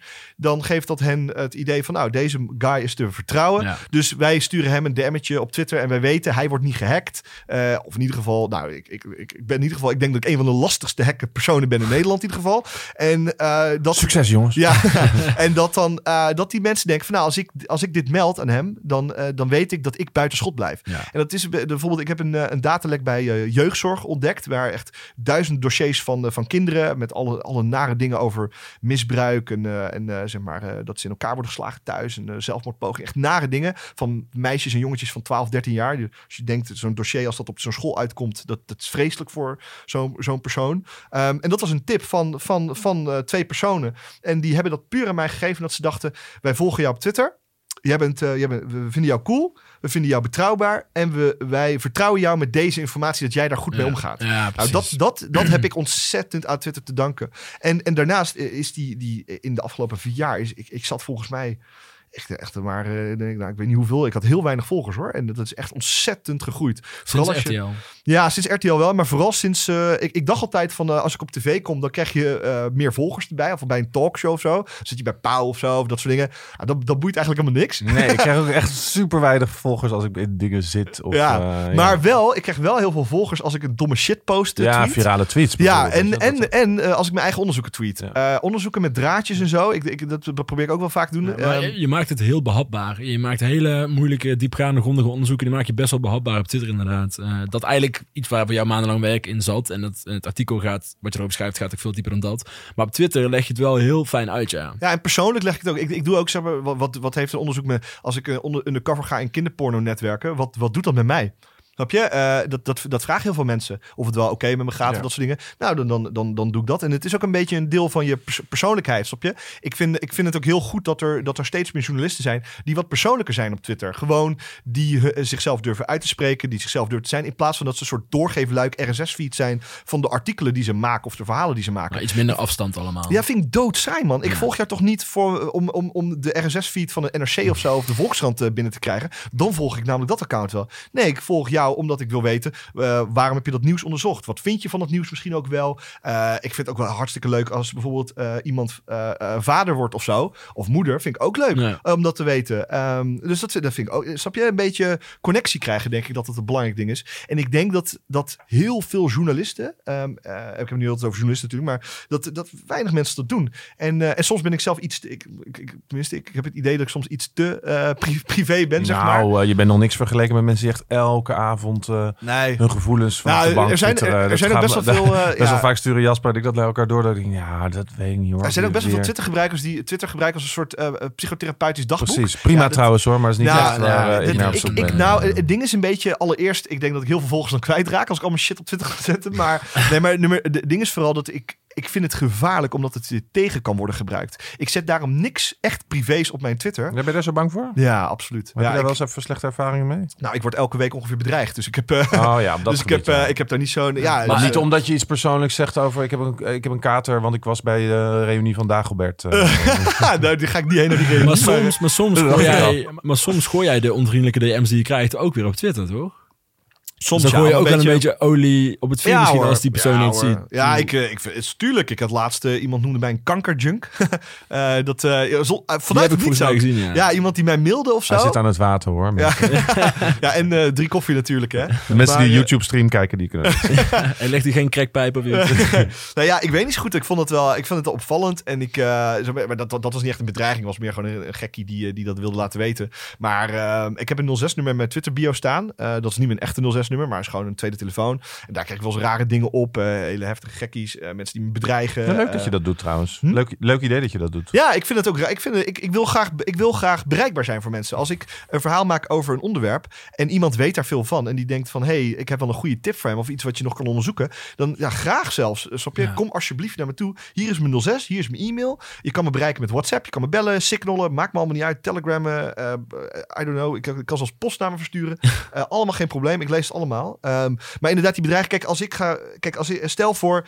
ehm, hypothetisch, er is iets heel ergs gebeurd in mijn leven waar ik heel erg mee zit. en eh, eh, daar ga ik dan over twitteren. Eh, om dat te delen met anderen. Nou, allereerst supergoed als mensen dat doen. En als mensen dat helpt, eh, lijkt me supergoed eh, voor je verwerking en zo. Bij mij, ik ben gewoon te bang dat het tegen wordt gebruikt. Dus ik tweet niks echt persoonlijks. Ik tweet alleen maar dingen waarvan ik denk, joh, als mensen dat weten, vind ik niet zo'n probleem. Maar ehm, ik bedoel, er zijn er dit jaar best wel heftige dingen in mijn leven gebeurd. Waar ik verder natuurlijk niks over zeggen. Maar dat, dat, dat, daar praat ik over met mensen die dichtbij me staan. Dat ga ik same. niet op Twitter zetten Mm. omdat ik gewoon oprecht bang ben van... stel voor, dit is niet waar, maar stel voor mijn moeder zou zijn overleden eh, dit jaar. Als dat zo zou zijn, ik zou dat zetten, eh, rip mijn moeder. Dan kan iemand tegen mij zeggen eh, bij het volgende onderzoek... nou, je, je- dode kankermoeder die zal, zal, zal niet trots op je zijn. En die zal zoiets of zo. Ik, Dat, dat, raakt jou persoonlijk natuurlijk. dat, dat, dat, dat zou mij persoonlijk raken. Ja. En ik zou dan nog steeds natuurlijk niet zeggen dat het me raakt. Maar natuurlijk raakt je dat Ja. soort dingen wel. En ehm, ik wil niet dat mensen dat soort opmerkingen naar me kunnen Ja. maken. Eh, dat was ook een reden. Ik ben, eh even zien, sinds eh, maart ben ik, eh, ik ben nu 22 kilo afgevallen. Ik was, ik was, dus- ik was best wel een dikke, dikke nerd. Ik ben nu een, eh, een, eh, een nerd met een klein beetje overgewicht, godzijdank. Ik ben nu maatje ML, dus dat is heel mooi. Ehm, en ik vond het ook wel, eh, ik vond dat bijvoorbeeld ook, ik merkte ook dat nu mensen kunnen geen opmerkingen meer maken over mijn gewicht. Dat is heel fijn eigenlijk aan de ene kant. Ik, me sowieso niet zo heel veel. Maar ik vind het toch fijn als ik op de een of andere manier voor mensen... Als, ik krijg best wel veel haat over me heen. Dat ik dan zo min Waarom mogelijk... krijg je denk je zoveel haat? ik Ehm, zou dat ja. helemaal niet bij jou... eh, ja, zo, nee. Ja, Ja, Ja, leg jij omdat, het even uit. omdat het Twitter is. Ja, ja. het Ja, is... jij krijgt toch ook geen haat?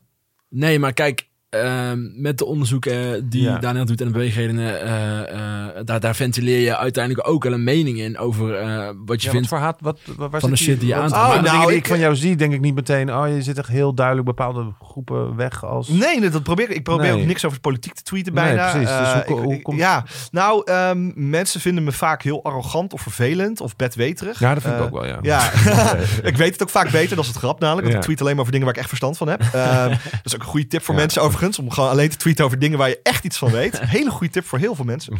Ehm, maar ehm, nou ja, veel, veel mensen... ehm, kijk, het, grappige Ja, je is... bent wel hard soms, toch? ja, Dat- ik, ik vuur, ja. ik graag mensen. Ik Ja. hou heel erg van ruzie. Dus ik vind het super lekker om ruzie te Nou maken. ja, om je punt te maken. Het Nou, ook nu- ruzie, oh, ruzie ook wel. lekker hoor. Ik hou, Oh, daarom ja. doe ik dit werk. Ik mag elke dag bepaalde, betaald ruzie maken Ja, met bedrijven. Nee, dan snap ik wat beter waarom je...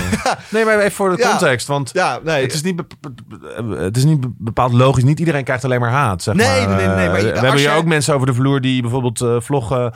eh, of zo, eh, die bijna geen haat krijgen. Nee, Ja, maar wacht die- even. Ik ben nou überhaupt benieuwd naar de verhouding in jouw DM's. Want volgens mij heb jij ook heel veel mensen die super lieve reacties Ja, sturen. en, die, en, en, die, en, die, tweet ik ook overigens hoor. en haters. Maar hoe is die verhouding in jouw DM's? Nou, kijk, het ding is een beetje... Ik heb denk ik veel meer positieve er- ervaringen met social media dan negatieve. Alleen de negatieve ervaringen blijven beter hangen. ja. En dat is gewoon moeilijk. En eh, snap je, de ha stel voor je... eh, bijvoorbeeld een mooi, mooi voorbeeld is Lise, Lise Korpershoek. Eh, volgens mij is ze ook een keer te gast geweest. Ja. Drie keer. Drie Drie keer al. ja. Nou, zij En heeft, weet hele, van de komt ze wel weer terug. Ja, ja. zij heeft een teaser. hele, hele mooie documentaire gemaakt. Een hele persoonlijke eh eh privé-documentaire over haar seksleven met, eh, met haar vriend natuurlijk. Een stuk. Klopt. Ja, mijn seks is stuk. Ehm, ik heb die gekeken. Ik vond het prachtig.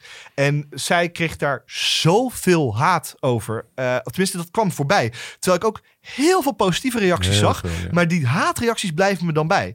En ik hoop niet dat dat voor haar ook zo is. Maar ik, ik, ik denk misschien stiekem... Of eh, denk ik dat dat wel waarschijnlijk zo is een beetje. En ik, omdat ik het zelf ook een beetje merk. En eh, ik ben lang niet zo bekend als, als die twee. eh, gelukkig ook. Maar ehm, ik vind het wel heel... Ja, ik weet niet. Dat, dat, dat blijft toch wel een beetje die, die, die haat. Tegelijkertijd... ehm, ja, ik, ik, ik, ik, hou er, ik hou er inmiddels wel rekening mee. Ik zet niet meer. Ik, ik weet nog wel dat ik een jaar geleden wel echt wel eh, dingen op mijn Twitter zette die echt privé waren. En dat, dat doe ik nu absoluut niet meer. Absoluut niet meer. Dus ik zit nu alleen maar eh, dom te shit posten eigenlijk. eh, en eh, grappige dingetjes tweeten. En, en mijn nieuws natuurlijk. En, Ja. en tips, ook veel tips over hoe je, hoe je online veilig kan zijn. En wat doe je met social media naast, naast Twitter? Zeg maar? Eh, ik zit op Instagram eh, waar ik nul foto's heb.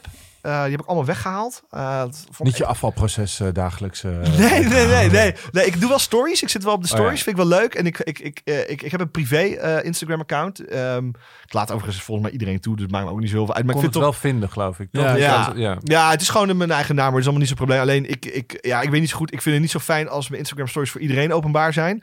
Maar, ach joh. Kan je nog instellen natuurlijk. ja, ja, dan kan je weer je beste vrienden opzien Ja. of zo.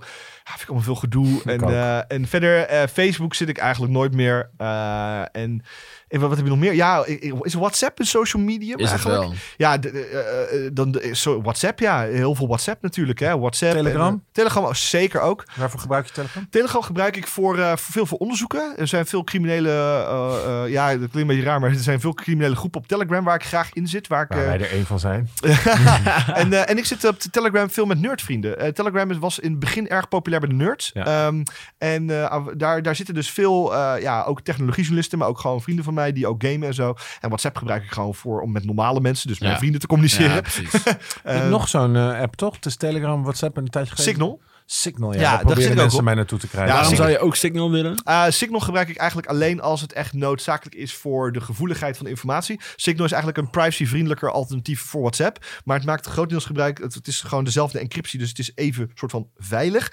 eh, om het zo maar te zeggen. Maar het is privacyvriendelijker. Dus ze houden geen metadata bij met wie met wie communiceert. Mm. En eh, Signal heeft een hele vette optie dat je automatisch je berichten kan laten verwijderen binnen een x periode Ja. of tijd Ja, dat je het hebt gezien. Dus stel voor je, voor journalisten is het heel interessant. Dus stel voor je bent met een bron aan het communiceren en ik zeg dat elk bericht na een uur nadat ik het heb gezien weer wordt verwijderd, dan laat je geen bewijsmateriaal achter mocht ooit jouw telefoon in beslag worden genomen door een opsporingsdienst of die van de ander. Nou, dat is heel fijn natuurlijk. Maar Signal verder op de ja, kijk, ik vind WhatsApp echt in heel veel vormen veel beter dan Signal. Gewoon qua gebruiksvriendelijkheid. Dus ik snap dat heel veel mensen Wie denken... zit er we- achter Signal? Signal zit, eh, ja, daar zat Moxie Marlinspike achter. Dat is een eh, hele bekende crypto, eh, cryptograaf. Eh, daar zit nu een, eh, volgens mij, eh, een, eh, daar zit hij nog steeds achter trouwens, eh, moet, ik, eh, moet ik zeggen. En er zit nu een oud man, f- oud oprichter van WhatsApp. eh, die naar wa- wanneer Facebook was gegaan, heeft daar heel veel gecashed. En die heeft van, met dat gecash heeft hij een soort stichting opgericht. Eh, de, de, volgens mij de Signal Foundation of zoiets achter. En hij, die heeft nu echt miljoenen die hij in Signal gaat investeren. Een prijsvriendelijk alternatief voor WhatsApp. Eh. Best wel een dikke backstep, Ja, zeg ja. maar, naar Nou, ook WhatsApp wel toe. zijn geld goed besteed. Zeker, en zeker, hoe, zeker. hoe loopt dat, weet je dat? Nou, Signal is gewoon, het slaat gewoon niet heel erg aan. Het wordt wel populairder omdat er meer privacy-minded mensen zijn in de wereld. Hè? Dus veel te doen over privacy. Ja. Ehm, maar kijk, en ik zeg het altijd zo: als mijn moeder nog niet op Signal zit, dan ga ik er ook niet volledig heen. En zo simpel is het. En mijn moeder krijg ik echt niet naar Signal. Die zit lekker op WhatsApp. En, eh, en ja, ik denk toch echt dat we daar, eh, dat we eigenlijk al heel gelukkig mogen zijn dat WhatsApp zo super goed beveiligd is. Ja. Want het is echt niet zomaar te onderscheppen, die, eh, die berichten en om mee te lezen. Is dat, ja, want daar maak ik me wel zorgen om. Maar Nee, dat het is dus- echt goed beveiligd. Ja. Ja. Voor zover, tenminste, voor zover bekend is het, is het niet te kraken, om het zo maar te zeggen.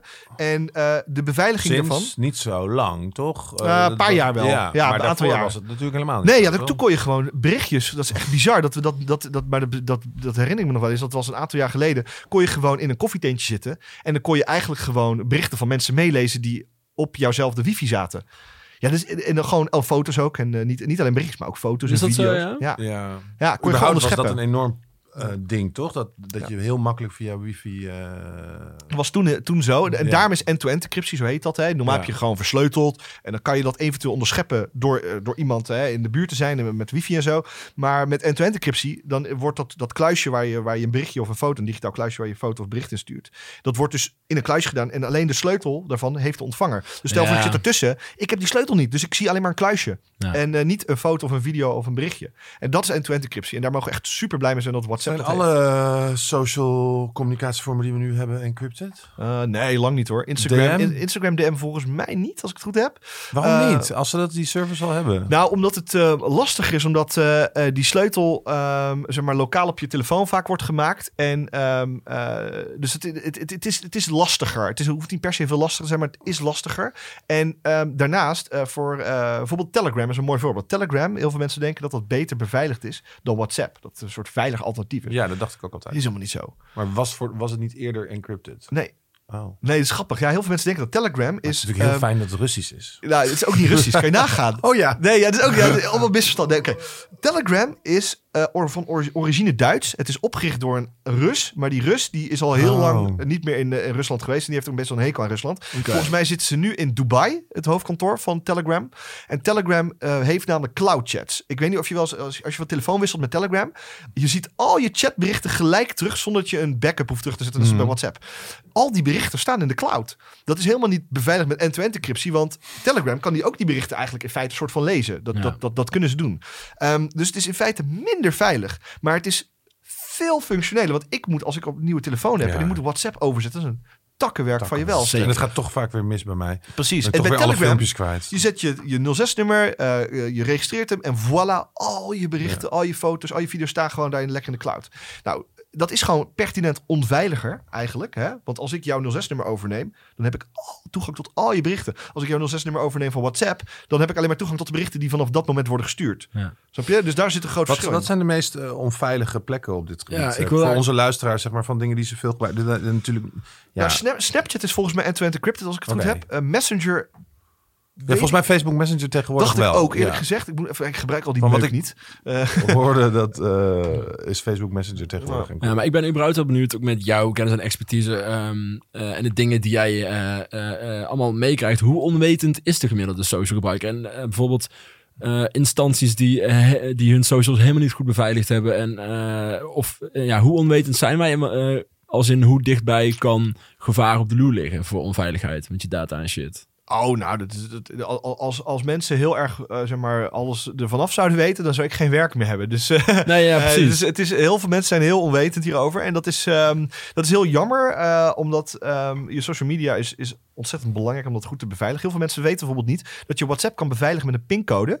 Waardoor als, jij, als ik jouw 06-nummer overneem, wat, wat relatief, wat relatief oké kan in Nederland, hè, Mhm. dat heet, eh dat heet SIM-swapping, heet dat dan. Mhm. Eh, als ik jouw 06-nummer Ja, overneem, dat is super populair nu, toch? Ja, Voor, eh, ja. om eh, crime mee te doen. ja, Eh, vooral crypto, zeg maar. Als je, als je veel eh, cryptocurrencies hebt. Reply All hadden ze daar Ja. een aflevering over. Als je veel cryptocurrencies hebt, dan, eh, dan eh, kan ik bijvoorbeeld, bijvoorbeeld eh, als jij eh, 30.000 euro in crypto, cryptocurrency hebt, dan kan ik dan jouw 06-nummer overnemen en daarmee toegang krijgen tot jouw crypto-account, bijvoorbeeld Coinbase of zo. Dus eh, dan, dan Ja, kan en heel veel is nu natuurlijk beveiligd met een berichtje naar je mobiel. Dus Precies. het is ook heel logisch dat Ja. ze dat nu gaan Ja, doen. je kan zelfs als je bij je 06-nummer aan Google koppelt, hè, je Google-account, dan kun je dus eh, eh, met dat sms'je je wachtwoord resetten. Dus als ik jouw 06-nummer heb, dan kan ik jouw wachtwoord resetten voor je Google. Ja, dan ben Dat je is echt klaar. best wel bizar. Dan ben je klaar. Eh, maar ehm, zo'n, ehm, eh, zeg maar zo'n, als ik jouw 06-nummer overneem en ik, ik wil dan WhatsApp registreren op jouw telefoonnummer, om dan bijvoorbeeld vanuit jouw 06-nummer eh, mensen een bericht te sturen met hey, kan je geld overmaken of gewoon je eh, mee te lezen met jouw berichten of zo. Dan eh, als ik als jij je kan dus twee verificatie inschakelen in WhatsApp, dat ik dan ook nog een pincode moet invoeren eerst voordat ik dat dat nummer mag registreren. Nou, ik weet niet jouw pincode dan. Mhm. Dus daarmee blokkeer je eigenlijk al die, die aanval op je WhatsApp. Nou, heel Dat veel, kan gewoon in je instellingen. ja, kan gewoon niet instellen. Heel weinig mensen weten dat. Dus eh, Ja. het, re- registratie in twee stappen heet het volgens mij of zo. Is gewoon te vinden in je instellingen. Ehm, maar Heb je daar nog meer voorbeelden van? Nou, eh, tweestapsverificatie is sowieso eh, ontzettend goed om dat eh, te, te in te stellen. Dat heb jij toch, Jasper? Jazeker. ik weet het niet. Jasper, Ik weet het niet. nou, eh, dat moet. Voor WhatsApp bedoel je? Nee, voor alles. Ja. Voor alles. Voor Wat alles. voor- Vooral wat voor- alles wat werkgerelateerd is. Want Wat- overal heb jij toegang tot Ja, dat al klopt. onze klanten. Ja. Al onze, dus je Facebook heb je als het goed is twee Ja. staps. Dat moet. Ja, klopt. Dat moest. Maar ik vraag me dus af qua... ehm, wat zijn zeg maar dus de standaard fouten die mensen maken? Nou, geen tweestapsverificatie inschakelen, Ja. zoals jij. Ja, ja. val ik even door de man, niet?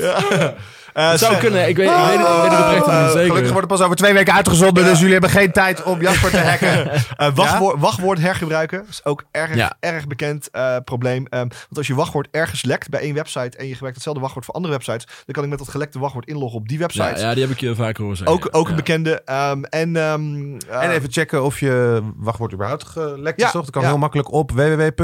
I have I been pwned. Maar dat is een la- lastige te, te- lastig te onthouden. Maar have I been pwned en dat is WWN P-W-N-D, dacht ik. Maar als je het even googelt, dan Ja. vind je het meteen. Eh, daar kun je je e-mailadres invoeren en dan zie je waar al je wachtwoorden zijn gelekt. Dat is super handig. en dan moet je daar het even wachtwoord aanpassen. En heb je dat wachtwoord nou ook op een andere plek gebruikt, moet je dat ook veranderen daar.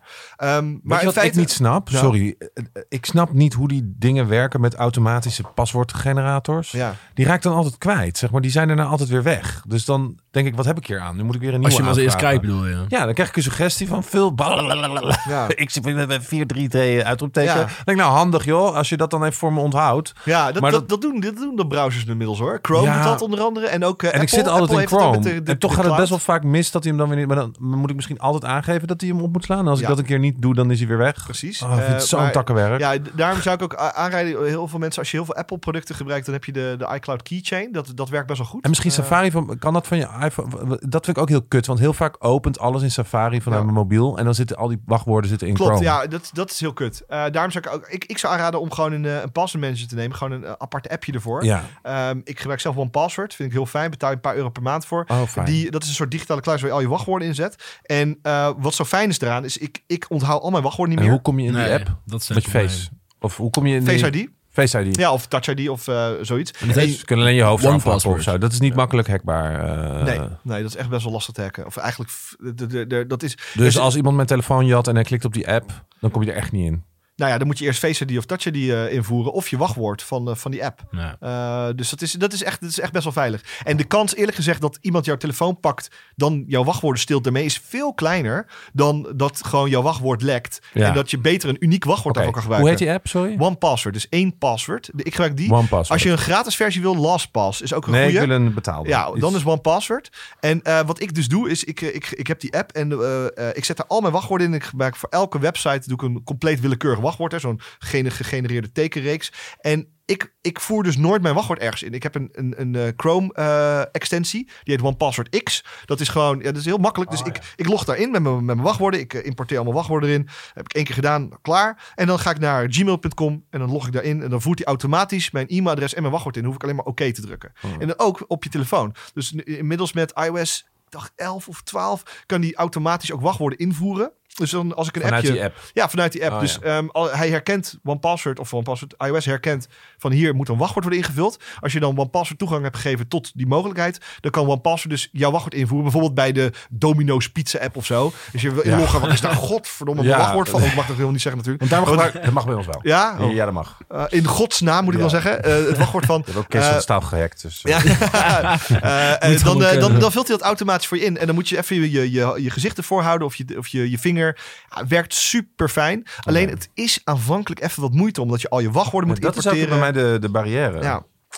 Ja, en eh, eh, zijn dat dan bij jou ook allemaal van die hele lange moeilijke paswoorden? Zeg Ja. maar? Ah, Ja. fijn, dat wil ik zo graag. 30, 30 plus tekens. Ja, dat wil ik. minimaal. 30 plus? Ja, ik word er heel hè? rustig van. Dat wil ik Ja. heel graag van. En het- en het eh, enige wat heel belangrijk is- thuisbezorgd. Ik wil dat gewoon overal. Ja, het enige dat heel belangrijk is, is dat je je, je wachtwoord voor je OnePassword, hè, of voor je password manager, Ja. dat je die goed onthoudt en dat die lang is. Dus dan moet je een wachtzin maken. Dus niet een wachtwoord. Dus Ja. niet eh Roosendaal 98 of zo, of 89, dat is mijn woorddatum. Maar, eh, eh, eh, maar bijvoorbeeld, eh, eh, ik eet elke dag eh, twee pizza Hawaii of zo. Zoiets. zo.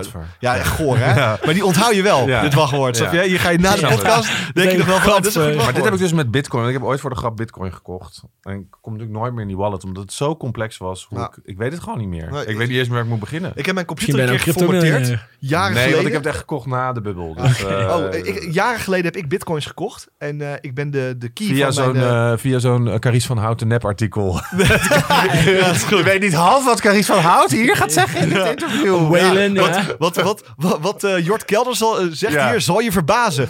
De, de, de banken wilden hem tegenhouden. Ja, Dat soort echt. shit krijgen we laten we ons niet afleiden door dit, want dit stoort me heel erg. Ik heb er vandaag drie gerapporteerd op Facebook. Oh, hè? ja, ja, Clara, ik zit op Facebook. Ja, maar eh, nee, ik had, dus, ik had dus bitcoins gekocht en ik ben dus mijn key van mijn wallet, zeg maar, daarvan verloren. Omdat ik mijn computer had geformateerd waar die key op stond, in die wallet.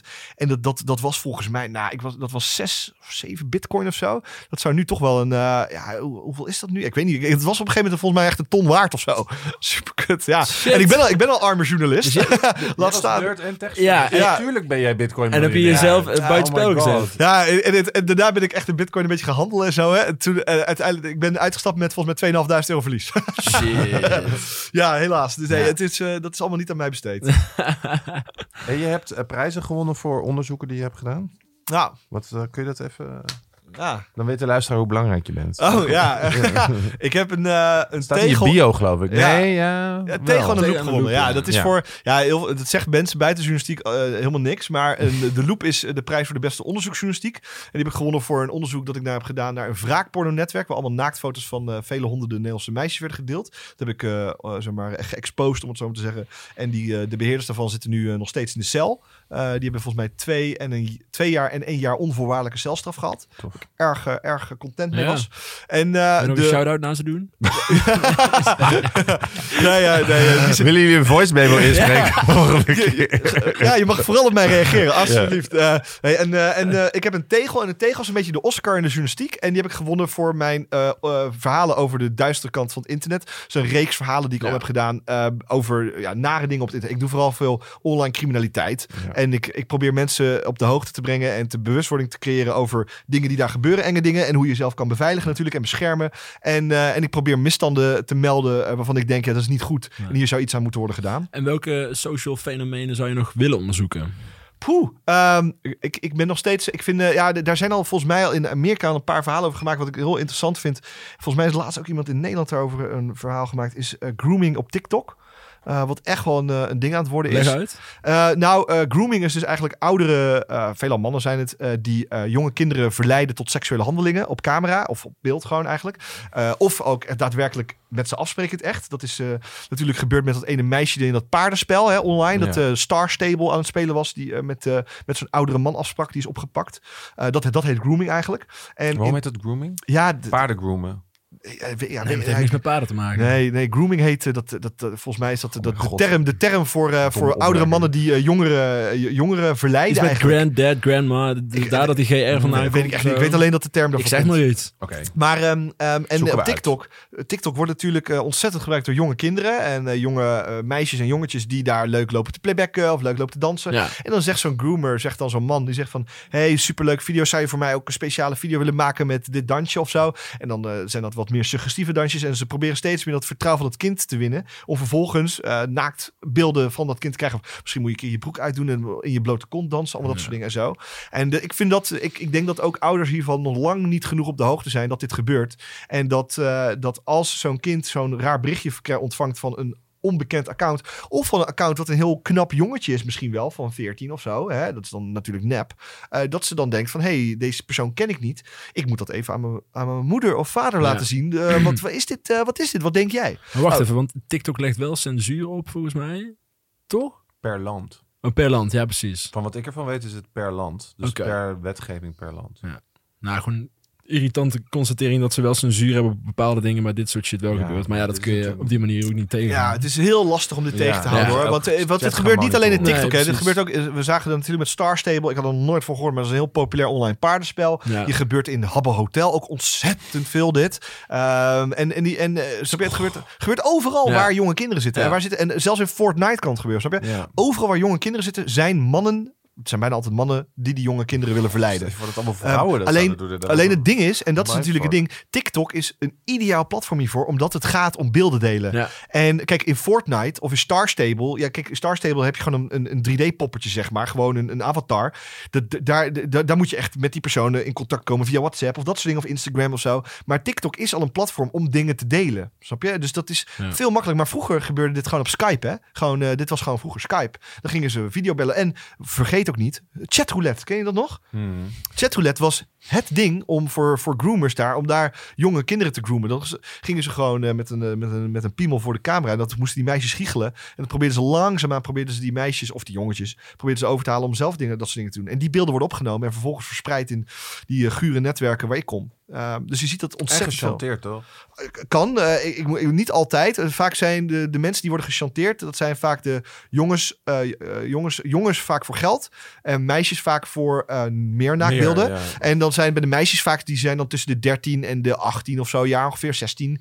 Uh, maar vooral van jonge kinderen, van 7, 8, die, die, chanteer, die, die worden niet gechanteerd. Die worden gewoon, die beelden worden gemaakt, in de porn natuurlijk allemaal. En die worden gedeeld in de kringen waar deze mensen zitten die dat willen bekijken. Maar dit is ook weer gewoon echt onderwijzen en praten met, met de ja. jeugd, zeg maar. Mediawijsheid. Ja, het zou ook heel goed zijn als dat, uh, als dat een vak zou zijn op school. Ik weet niet of dat op een basisschool al ja. een vak is.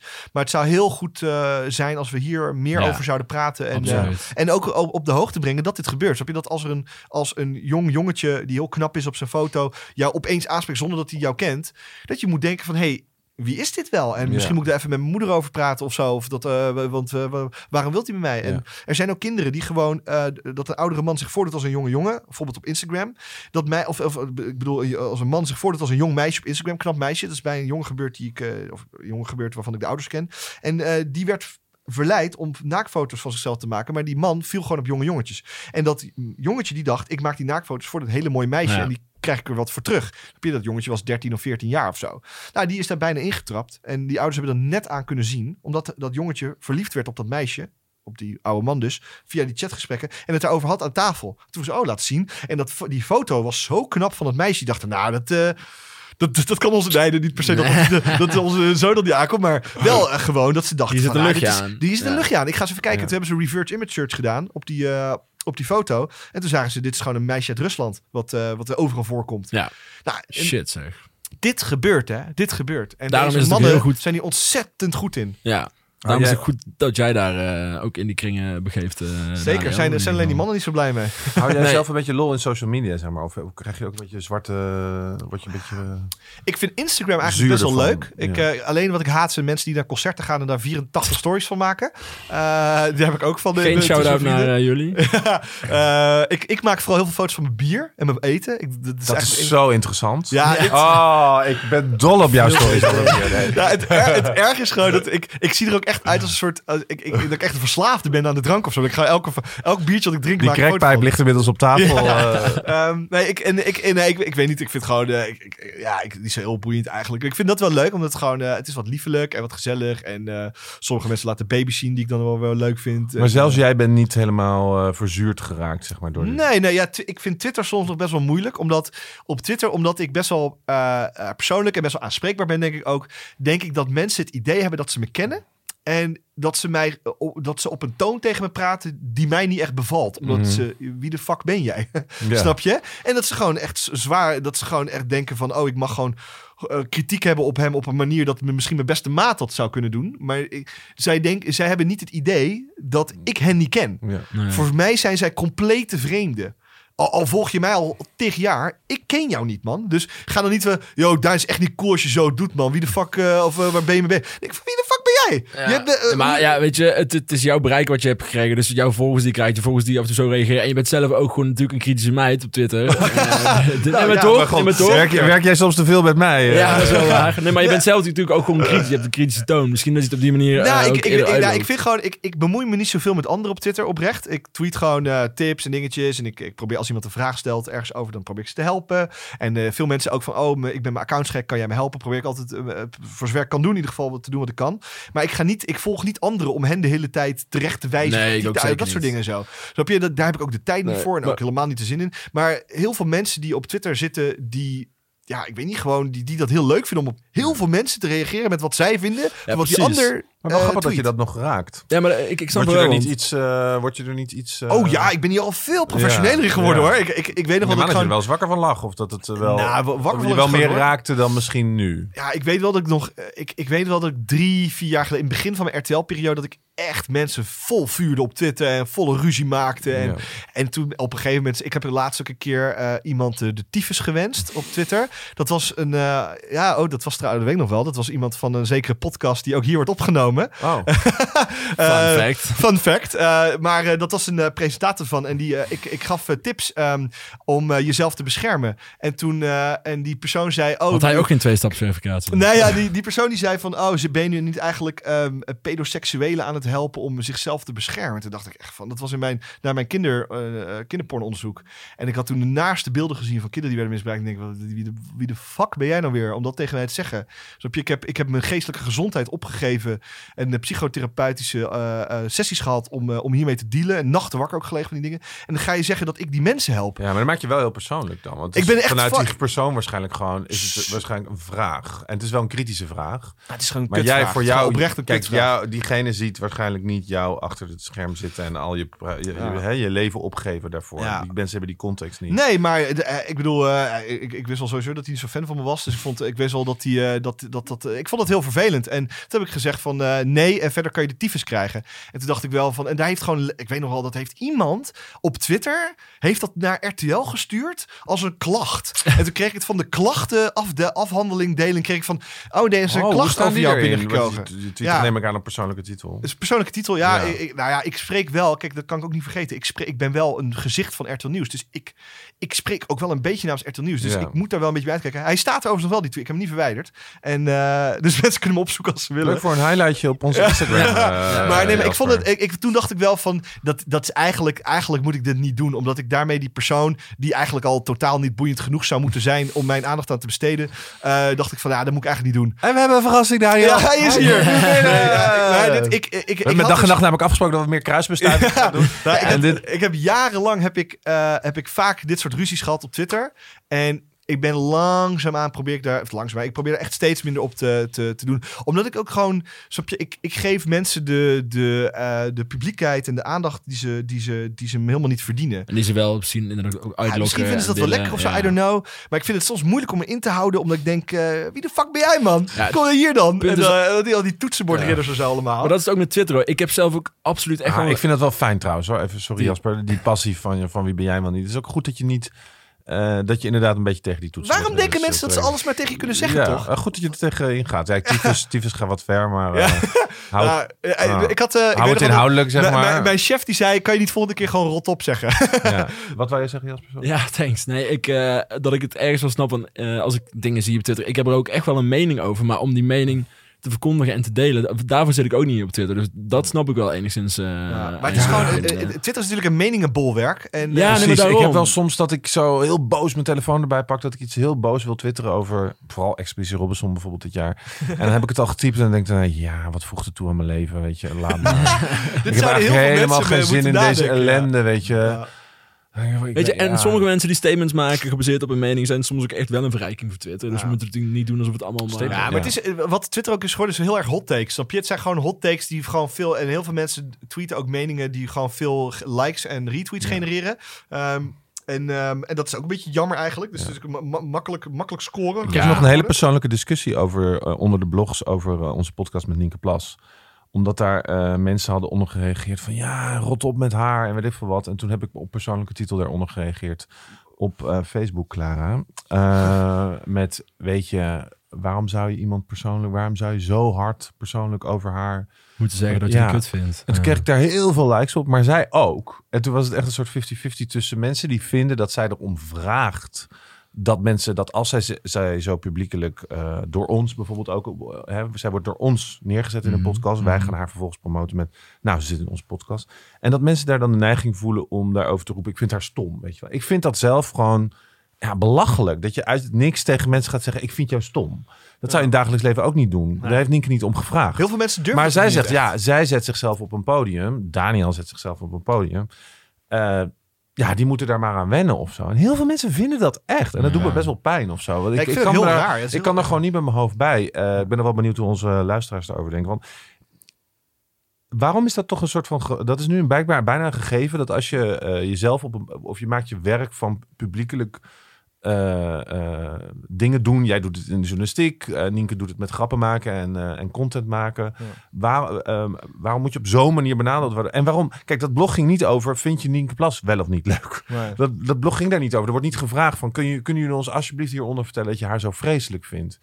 Ik vind het zelf best wel moeilijk, want je hebt het dan nog over een persoon. Hoe het hier Ja. in je opkomt. Ik heb nog nooit volgens mij op het internet... Nou, anders hoor ik het graag. Zomaar gezegd, zeg maar, uit het niets over mensen die vind ik walgelijk of zo. Of stom, als dat niet in een privésfeer was. Of, Ja. of mensen dat die mensen dat niet nog zelf kunnen lezen. Nee. Nienke Ja. Plas is ook een mens. En het, is ook, het is ook wel een verschil dat je bijvoorbeeld mensen, bijvoorbeeld Monika Geuze die vlogt, ehm, die, die is natuurlijk dat vloggers zijn per definitie vaak heel persoonlijk. Dus Ja. dan, dan, dan, dan, dan, dan he- hebben mensen vaker. Ik, het is ook heel bizar dat sommige, eh, ik weet nog wel eens dat er, ik, ik weet niet precies wie, er was een vlogster en die was wat aangekomen en dat er mensen super hadden, oh ben je dikker geworden, allemaal dat soort dingen zo van, eh, moet je, misschien moet je afvallen en zo. Ik denk, echt, waar zijn mensen mee Nou, maar ook bij? Bram de, Bram de Wijs had in een video eh, verteld dat hij, eh, dat hij eh, zich niet goed voelde. En dat hij kampte met, met nare gevoelens. en gewoon echt zich heel kut al een tijdje voelde dat hij daarmee bezig is.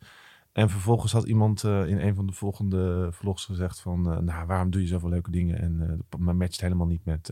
Ja? ja, en daar was hij zoveel streek van. Toen had hij daar al een heel mooi verhaal in zijn vlog over van... eh, jongens, dit is niet mijn hele leven en ik kies ervoor. En what the fuck? En besef je wat dit soort reacties ook Ja. mij Knap doen, dat je dat maar. kan, man. Ik, ik, ik, ik Nou ja, jij kiest eh, ervoor. Jij zegt dus, ja, van, ik ga niet te veel van dat soort dingen zeggen, want dan kunnen mensen dus in die comfortzone Ja. komen. Ja, dat lijkt me ook echt verschrikkelijk. Ja, en, zeker. eh, ik vind het heel knap dat hij het zegt, maar ook ja, dat mensen dat mensen dat in hun opkomt, zeg maar. Ja, het is ook een soort een deel. Volgens mij heeft het ook te maken met mensen die dan voelen dat ze impact hebben door impact op iemand anders te hebben. Dus ze, ze, ze, ze, eh, ze eigenen zichzelf een soort macht toe. Ja. Door te weten dat als ze iets heel kuts tegen jou zegt, Daniel, Ja. over je moeder of wat dan ook, dan weten ze dat dat impact heeft en dat geeft hun een soort van Ja. bestaansrecht. Ja. Wat heel kut is aan Ja, het nee, internet. maar, soms. zeg maar om, om een beetje een voorbeeld te geven dat zeg maar, het, ehm, eh, eh, eh, zeg maar eh, als ik, eh, als ik, als ik een beetje, als mensen zeg maar boos op me zijn, dan proberen ze mij te hacken en dat soort dingen zo, maar dat lukt dan niet. Ehm, maar dan gaan ze dus mensen om mij heen hacken. Dus eh, eh, hele goede vrienden, eh, mijn ex bijvoorbeeld, eh, familie, dat soort dingen en zo. Oké. Ja, dus ik, ik probeer daarom ook heel erg ehm, stil te zijn met wat ik nou eigenlijk, ehm, wie, mijn, wie mijn kringen Kring zijn, is, zeg ja. maar. En ehm, dat, is, dat is best wel raar. En ik, eh, ik, ik, ik ben nu, ehm, zeg maar, het is- je je houdt er echt mee bezig. Bijvoorbeeld als je nu denkt van nou, misschien als ik een, nieuw- een nieuwe vriendin heb, hoe ga ik die beveiligen? Kan ik die ooit aan de buitenwereld eh, eh, publiek stellen. Zeg maar. Kan je er ooit iets over tweeten of zo. I don't know. Al dat soort dingen. Het zit, dus wel, het zit best wel... Ja. best moet je nou allemaal de- rekening mee houden. Absoluut, ja. En, Ja. En, eh, en, en terwijl ik het zo goed vind dat er andere mensen zijn. Want ik vind het zo fijn als mensen wel open, persoonlijk en privé zijn. Omdat het mij, soms geeft mij heel veel herkenning of steun. eh, want dat, dat- daar doen mensen natuurlijk ook voor. Hè? En eh, bijvoorbeeld, ik, ik ken Aafke Romein, zij schrijver, ook fervent twitteraar. Muzikant En, ook, toch? muzikant, zeker. En ehm, zij, zij tweet eh, eh, heel open over, over dingen, over eh, depressies en over, eh, over, haar, over haar de kind ook bij wijze van spreken en zo. Over opvoedkundige dingetjes en zo. Heel leuk. En ik, ik, ik ik ben niet depressief en ik heb ook geen kind. Maar ik vind het wel heel herkenbaar allemaal, omdat zij het zo persoonlijk doet. Dat vind ik heel mooi. En dan denk ik altijd, oh, vind ik Mhm. leuk hoe je, dat, hoe je dat doet en hoe je dat doet. En tegelijkertijd, zij heeft ontzettend veel haters over zich heen. Ze is een publiek figuur. Ze is ook nog eens vrouw, feministisch en links. Uitgesproken. Uitgesproken. Ik zie vaak Dus- van haar een tweet over eh, iets uitgesproken. Zeker. En, en, en, en die mensen, die, eh, die, die, die, die pakken haar op haar... Oh, ben je je medicijn of je slaappillen weer vergeten? Allemaal dat soort shit en zo. Ja, en heel laag. persoonlijk. Ja. Of misschien moet je weer op worden genomen. De, eh, en zij, zij retweet dat vaak weer met een grappige, grappige reactie. En ik denk dat zij er inmiddels ook aan gewend is. En dat ze het best wel kan. En dat ze, ze, ze, ze is heel sterk natuurlijk en zo. Maar ik vind het zo knap als je, dat, als je, als je daarmee kan omgaan. Ik, ik heb daar gewoon geen zin in. Ik wil mensen niet het idee geven dat ze me kunnen raken met shit. En, ehm, en ik vond het heel naar toen mensen in mijn naaste kringen... De, dat die werden aangevallen online. Dat dacht ik, waar, de, ik snap je, waar de fuck Ja, ben je nee, bezig? Ik heb daar nooit iets over getweet ook, hè, dit soort dingen. Want ik, daarmee geef je alleen maar hen het genoegen dat ze, dat ze je kunnen raken. Ehm, En je gaat er echt mee in je hoofd zitten op zo'n dag ook. Ik, ik ben één keer eh, openlijk aangevallen. En toen dacht ik wel echt al een uur lang van... Jeetje, ik weet niet hoe, hoe dit zich gaat... En ik was ook wel gewoon aan het reageren op die dude. Maar ik dacht wel, nou, eh, ik weet niet in hoeverre dit nou een leven gaat leiden. En daar was ik echt al een uur, anderhalf gewoon mee bezig. Van wat is dit en hoezo? En niet chill uiteraard. Dus als je inderdaad echt een publiek figuur bent... die heel veel met je shit te dealen krijgt... dan vind ik het inderdaad wel knap als je daar zo mee om kunt gaan. Ja. Maar dan snap ik ook dat je het inderdaad... eh, mensen die kans ook zo min mogelijk wil geven. Want het is echt, het is echt een nare eh, ja, ik, kant. ik, ik, kies de, ik vind het misschien eigenlijk aan de ene kant best wel een scheidige ke- keuze van mezelf. Dat ik daar weinig over deel. Ja, omdat ik houdt van ruzie maken. Ja, maar iedereen Ja, heeft wel en- zijn eigen beweging op Ja, socials. maar ik, ik, zou, ik, zou misschien heel, ik, ik zou misschien heel veel steun en liefde halen uit, eh, uit de problemen die ik heb. Bijvoorbeeld, of waar ik dingen mee waar ik zit, of privé dingen. Om die te delen. En misschien dat mensen er ook zelf weer heel veel steun uit halen of zo, snap je? Ja. Maar dat, dat, daar- ik tweet daar echt totaal niet over. En, eh, en, en ik, ik, ook niet op, op Instagram of zo, dat soort shit. Maar ik, ik vind het wel, ik, ik zit daar wel eens mee. Want eh, kijk, we hebben nu al heel veel over haat en hacken en zo. Maar ik bedoel, in, in alle eerlijkheid, 90% van de dingen die je krijgt op social media is gewoon super lief en positief en fijn. En dankjewel voor deze tip Precies. en help. En wat goed dat je dit werk doet. En respect, ik zou het niet kunnen. Hè. Elke keer krijg ik dat te horen als ik een onderzoek doe en zo. Eh, dus ik, ik moet ook niet te, te groot aan tillen. Want ik vind verder Twitter, eh, eh, vooral Twitter, vind ik echt super leuk medium. ook, absoluut. En eh, ik, ben er, ik, ben, ik vind het heel fijn dat er veel, veel nieuws is. Hè? Nieuws is als eerste op Twitter. Eh, er zitten veel mensen die leuke meningen hebben. Grappige dingetjes tweeten. Grappige f- fotootjes, videootjes, viraltjes en dat soort dingen en zo. Ik zag volgens mij ook uh, de, de, die, die, ja, die is, die is nu alweer wat oudere viral. Maar van, uh, hoe heet het? Altijd Harris. ja, die meegekregen? dat kind, Ja, hè, dat zo kind, dat, mooi. dat, toen, ik zag die tweet voorbij komen toen hij nog echt nou, heel, heel weinig retweets had. Ik vond het zo mooi. Die, die gasten nu volgens mij meer dan 100.000. 100k volgers op Instagram. hè. Holy shit. Ja, het is hem gegund. het- haken al echt. Ja, het is zo leuk. En ik, Ja. eh, en ik zag ook een, eh, een hele vette teken van eh, Barry. eh, Barry Pirovano volgens mij, als ik het goed heb. super leuk. Dat soort dat is dingen. die Ajax eh, ja, dat is die, ja, die voetbaltekenaar. Ja, ja, ja, ja, Prachtige dingen maakt hij. Ja, zeker. En eh, hij, eh, zeg maar, ik, ik- dat is een, een, een, een viral die, die volgens mij was ontstaan. Ik dacht op Twitter, weet ik niet zeker. De- Ik vond het zo grappig. En allemaal dat soort dingen worden ook heel erg eh, eh, gedeeld op Twitter. Daar zit ik, daarom zit ik er ook vooral Ja. op. en leuk dat je dat zegt ook. Ook Ja. omdat wij, eh, ja, wij denken er altijd ook met ons platform, we heten natuurlijk ook de best social Ja. en de best social media. En dan vinden we het soms ook wel eng om dit soort negatieve onderwerpen te belichten. Omdat het is soms ook voor ons wel makkelijk. We zouden heel veel kunnen vullen aan haat en aan, Ja. aan Ha- schandalen. Haattweets kunnen ook heel veel en, likes en eh, eh, retweets pakken. Precies. En, eh, ja. Eh, weet je, alles wat negatief is, ook nu omtrent boerenprotesten en alles. En wij proberen er altijd een beetje van weg te blijven, omdat er al genoeg aandacht voor is. Dat het juist best wel moeilijk is om eh, een, een soort zoeklicht te zijn op, eh, op social media en te laten zien. Kijk, er zijn ook allemaal hele leuke, inspirerende, goede, eh, verfrissende dingen. Maar ik vind het toch wel grappig dat jij dan ook weer zegt, ondanks jouw werk, dat je 90% van de tijd dat het positief is of dat je, dat je zelf ook nog plezier erin eh, Ja, ik vind anders was ik er ook mee gestopt, snap je? En Ja. ik, ik zie ook wel eens mensen zo'n Twitter break houden en zo. Dan, dat, dat zou dat helemaal ook- aankondigen. Ja, dat vind ik ook Jongens, zo- dat heel vind ik ook zo-. Ik Ik, zeg, ben ik zeg wel eens dat ik bijvoorbeeld even een week of twee weken van Twitter wegga, maar dan ben ik gewoon op vakantie. Ja, vond ik zo je? leuk bij Anouk. eh, dat zij. eh, eh, dat, de- zij posten heel veel over, eh, over Zwarte Piet. Ja. En, eh, maar echt heel veel. Op een gegeven moment echt elke dag. En eh ze hadden natuurlijk heel veel fans die pro-Zwarte Piet zijn. En eh, heel veel mensen kondigden dan aan onder die post. Ik ga nu jouw pagina unliken. En, bla bla. en zo vaak vond ik grappige reacties daarop weer komen met... Je hoeft dat niet aan te kondigen. Ga maar gewoon weg. Ja. En eh, dat is ook heel vaak zelfs best van Ja. Facebook of van Twitter. en dat, dat je denkt, ja ga maar. Ja.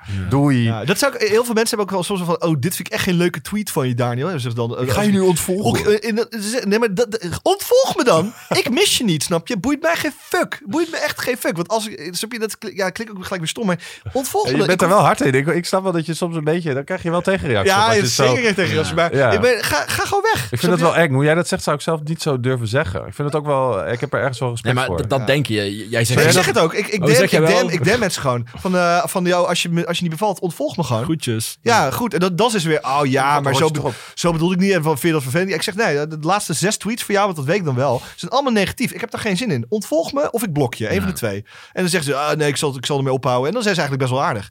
Snap je? Maar als je ze even aanspreekt. Ja. eh, Maar ik mute me ook helemaal de, de, de tering, zeg maar. Oké. Ik vind, ik vind, ja, als één iemand een kutopmerking naar me maakt, mute ik gelijk. Ik twijfel altijd met blokken, doe ik dan weer net niet, omdat blokken vaak het... het- Dan geef je, Geef je toch een soort voldoening ook aan die Ja, persoon. ja, Dan gaan ze dat is dan- weer die ja. macht. Dan gaan ze Ja. mij screenshotten. Dan, Kijk, ik ben geblokt Ja. door, deze journa- door deze journalist. Hij is heel transparant. Ik ben geblokt door bla bla bla bla. Dan wordt dat weer ge- overgenomen. Zo. Dat soort- ik heb één keer namelijk, ik wel heel hilarisch. Dat was echt een leuke dag op Twitter. Toen had ik ge- eh, ge- getweet, Zwarte Piet is racisme. Hoho. nou, Oh, dat, was, ja. eh, dat, was, dat was een Maar weet je dat ik dat dus... eh, ehm, ik heb heel veel vrienden die, eh, die ook aan de, aan de fotoshoot hebben meegedaan. Die dat ook op hun social media posten. En. Met die, met die t-shirts. en zo. Ja, die t-shirts. En ehm, ik baal soms wel van mezelf. Ik voel nu ook na al die jaren niet meer echt het moment van wanneer ga ik zeggen... Nou jongens, eh Zwarte Piet is racisme. Ja. Dat vind ik heel moeilijk, zeg maar, dat moment uit te kiezen. En wat ik er vooral moeilijk aan vind, dat ik altijd denk... en dit vind ik heel kut aan mezelf. Ik heb nu even niet zo zin Ja. in al die clash. Want het komt nu niet even uit, weet je. Want ik heb er nu, maar het komt natuurlijk nooit uit. Maar het is heel vaak dat ik denk, omdat ik dit weet. Want Ja. ik weet dat ook ik...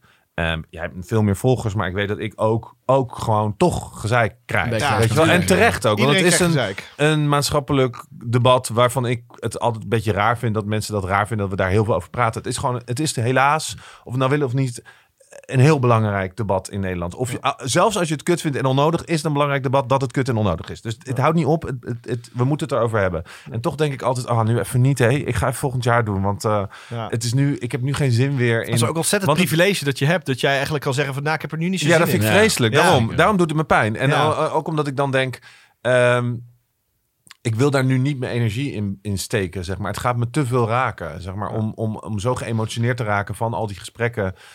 Ja, ik vind het best wel kut. Onze collega Cato heeft een, eh, heeft een statement eh, vorig jaar gemaakt wat helemaal viraal ging.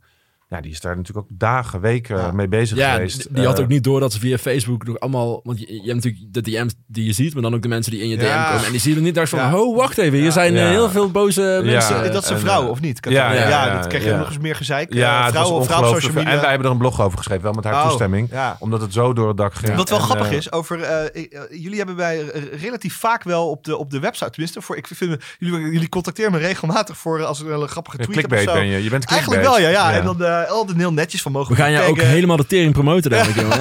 Oh ja, ja, pas maar op. En een van die artikelen was eh een van zoveel leuke tweets van Dario Verlaan. En ik heb dat dus. eh, eh, ik, ik, ik was een tijdje aan het, eh, aan het daten. En eh een van die meisjes had mij op zo'n dating app eh geswiped eh, naar de goede kant, zeg maar. Ehm, omdat zij mij herkende van de Best Social. Oh, Ja. wat gaaf. Echt heel grappig. Ja, het is niks geworden, Ja. maar het is wel. Ik vond het wel echt hilarisch, omdat dan. Zij, zij vond mij dus heel grappig of zo. Ja, misschien viel ik heel erg tegen. Ja, we lopen er mij- niet graag te koop mee, maar we hebben inmiddels 15 miljoen pages per maand. En blogs worden meer dan 100.000 keer gelezen. Dus dit horen we wel vaker. We hebben ook redacteuren die, die inderdaad... eh, Maar ik vind het leuk dat we Eh, bijdragen aan jouw delen. Ja, Ja, nee, nee, ja, het, was echt, het zou echt hilarisch zijn geweest als er daar iets was geworden. was geworden. Dat, dat, we, dat ik dus mijn relatie aan jullie te danken Ja. had. Dat zou, heel vet. dat zou echt hilarisch Kreeg je er ook veel zijn. volgers door? Of heb je dat niet direct doorgehad?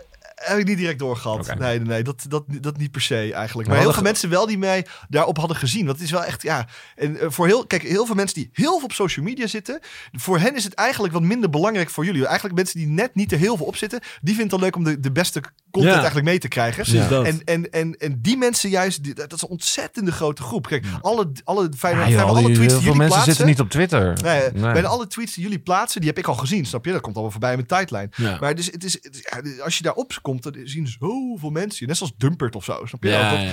Dan word je ook door super veel mensen, wordt opeens, hey, je Ja. staat op Dumpert, je staat op Dumpert. Dat soort dingen. Ehm, maar het is wel heel grappig, dus dat moest ik, ik dacht nog even, Lachen. ik moest er even aan denken. Dus Leuk dat je het vertelt. Wil Ja. jij daten met Daniel Verluij? Lees dan onze blog. Ja. Hey, we hadden beloofd dat het, we dachten dat het wel binnen een uurtje zou lukken. Maar volgens mij niet eh, is dat zeker niet gelukt. Dus laten we gaan proberen er een einde aan te breiden. Ja. En nu moet je nog niet afhaken, want dat heb ik gehoord. Het is heel kut dat als je al zegt dat je er een einde aan gaat breiden, dan stoppen mensen met luisteren. Dus oké, we gaan nog een uur door, jongens. doen, gaan we want iets heel we vet gaan doen. iets gaan heel vet doen aan ja. het einde. Wacht, wacht. Jasper heeft wat te zeggen. Nou, om te beginnen, Daniel, heel erg bedankt. Eh, heb, niet je nog, uitzetten. We gaan nog heel veel leuke Ja. dingen. eh, heb, jij nog, heb, je, heb je nog een bericht voor de luisteraar die tot nu toe heeft geluisterd? Een bericht voor de luisteraar, jeetje. Ehm, poeh, nou, eh, Hij heeft op zich anderhalf uur berichten. Ja, ik heb wel heel veel. Ja. Nou, eh, je Als je Daniel wil ontvolgen, hou je bek en ga gewoon. Ja, dan is dat graag, graag. En, eh, en eh, verder, eh, eh, nee, eigenlijk niet. Wees, Wil je wees- ruzie? Nou, nee, we- wees een beetje lief voor elkaar, denk Ja, ik, op social zeker. media. Denk Ondanks ik dat dan, je hè. zelf ruzie leuk vindt. Ja, ik vind ruzie leuk, maar ik doe het vooral professioneel ruzie vind ik heel leuk. En ik krijg, ik vind Weet je dat je wel het type bent waarvan ik denk, ik zou wel eens met jou ruzie willen hebben. Maar meer omdat het, het lijkt, me, best wel leuk om met jou gewoon een discussie te hebben. Het lijkt me toch ook wel weer prettig. Ik denk dat er wel een grapje bij komt. En Zeker. het is niet dat ik er heel bang voor ben. Nou, nou, Nou, ik denk dat je wel bang zou Oh. moeten zijn misschien. Maar nee, nee het is, ik, vind, ik vind ruzie vooral leuk als ik weet dat ik, eh, dat ik bij het rechte pad zit. Ja, en, ik, en, ik, en ik tweet eigenlijk en ik, en ik doe eigenlijk alleen maar dingen waar ik wel verstand van heb. Ehm, Maar... Ik maar vond het echt een goede tip trouwens. Eh, tweet en, eh, of geef alleen je mening als je ook zeker weet dat het waar is. ja, nee, ja, dat, Dat is maar dat natuurlijk is- nu op het gebied van de politiek Maar een, ook be- een echt, beetje lief voor elkaar god. zijn. Ik merk dat ik, ik, ik, ik merk dat ik Twitter de laatste jaren, eh, of de laatste tijd eigenlijk steeds meer gebruik om, om positieve tweets ook naar anderen vooral. Dus als iemand iets leuks heeft of een nieuwe baan of dingen, gewoon, snap je, even, even zeggen wat tof of zo, of Ja. mooi, mooi gedaan, goed artikel van iemand. In plaats van, ik, ik probeer namelijk, ik- dat deed ik echt, dat deed ik vier jaar geleden wel, en dat was gewoon een dingetje of zo, dat ik gewoon vooral, vooral heel veel aan het zeiken was op alles. En ik probeer dat nu andersom te doen. Ik krijg dus nu heel veel gezeik. maar ik probeer zelf probeer ik, eh, wat positiever in te zijn. En gewoon een goed artikel in dit verhaal. Of, eh, of een goed artikel in dit, dit medium. Toffe reportage van NOS op 3 bijvoorbeeld. Of zo. En ook het mooie van social is ook wel dat toch een lieve reactie doet iemand ook wel echt goed. Ja, ja, Dat is het ook wel als er, toen, toen, ik dat, toen ik laatst een... klopt eh, hoor. Als je wel eens ja. op DM of zo krijgt van, oh, ik vind het zo tof dat je dit Zoals bij jou gisteren op Twitter, dat doet je ook goed als iedereen zo lief reageert. Zeker. Ja, en eh, ook heel veel mensen van, eh, hey, hoe gaat het eigenlijk met jou? Pas een goed beetje goed op jezelf, naar, naar aanleiding van onderzoeken. Of gewoon in de DM had ik laatst weer allemaal, eh, allemaal mensen die dan opeens zeggen van, hey, eh, eh, ik had een keer, ik had zo'n nare reactie getweet die ik dan kreeg. Toen kreeg ik heel veel DM's van mensen van, nou, hier een leuke reactie. En dat is ook super leuk. Ook als mensen ons, eh, of mij, of persoonlijk, of mensen die ik niet zo goed ken, die zeggen van, oh, elke, echt elke ochtend vind ik zo fijn het ontbijt om even kaart te lachen met jullie Instagram-account. Dan denk ik, oh ja, fuck. Dat Ja. horen we. Het, we zien alleen maar likes, weet Ja. je wel. En dan we ziet, oh wauw, een post met 20.000 likes, weet je. En dan weten we heus wel dat, dat een gro- gro- groot deel van die mensen dat waarschijnlijk leuk vinden. Maar om dat gewoon van mensen te horen, dat, Ja. dat Ja. is zo een motivatie voor ons om ook Ja. gewoon ons werk te doen. We zouden het ook alleen maar doen omdat we weten dat mensen het leuk vinden. En omdat ze weten dat wij voor hun het selecteren en inderdaad hun dagelijkse portie eh, social media En voorschieten. daarom is onze pot nu ook al heel leuk. Ja, dus daarom is onze pot. Is dat een bruggetje? Ja, dat is zeker een bruggetje. want Nee, die- maar dat vinden we echt heel leuk, ja. Ja, ja, ja. Niet Ehm, afzetten. Nee, omdat die pot... Nee, maar dat is wel waar. Want tot nu toe al meteen in die pot... Het is zo leuk om meteen feedback te krijgen en mensen te zien... en eh, die suggesties geven of die Ja. ons ook bevestigen in wat wij denken over een bepaalde aflevering... of ons suggesties geven. Dat, is, ja, dat geeft ons enorm veel energie. Ja, we weten dat dit duizenden keren geluisterd wordt... maar je merkt er niet zoveel van als je het niet... Als Ja. mensen niet één op één hoort zeggen wat ze er echt van vinden. Anyway. Daniel, nogmaals bedankt. Ja. Eh, ik beloof jou dat ik mijn twee-stap verificatie check. Eh, Heel goed. Ik werd er enigszins erover vallen, maar ehm, ik weet nog wel dat jij ook een heel draadje erover had trouwens. Zeker, hoe je je. Twitter kan beveiligen, je. Google-account Ja. kan beveiligen, Het was ook een dingetje intern bij ons, hè Jasper? Ja, dat weet ik wel, maar dat is ook Ah, wel even terug. Ja. En hoe kunnen ze jou volgen? Eh Daniel Verlaan. Ik ben overal Hey. Daniel Verlaan, heel makkelijk.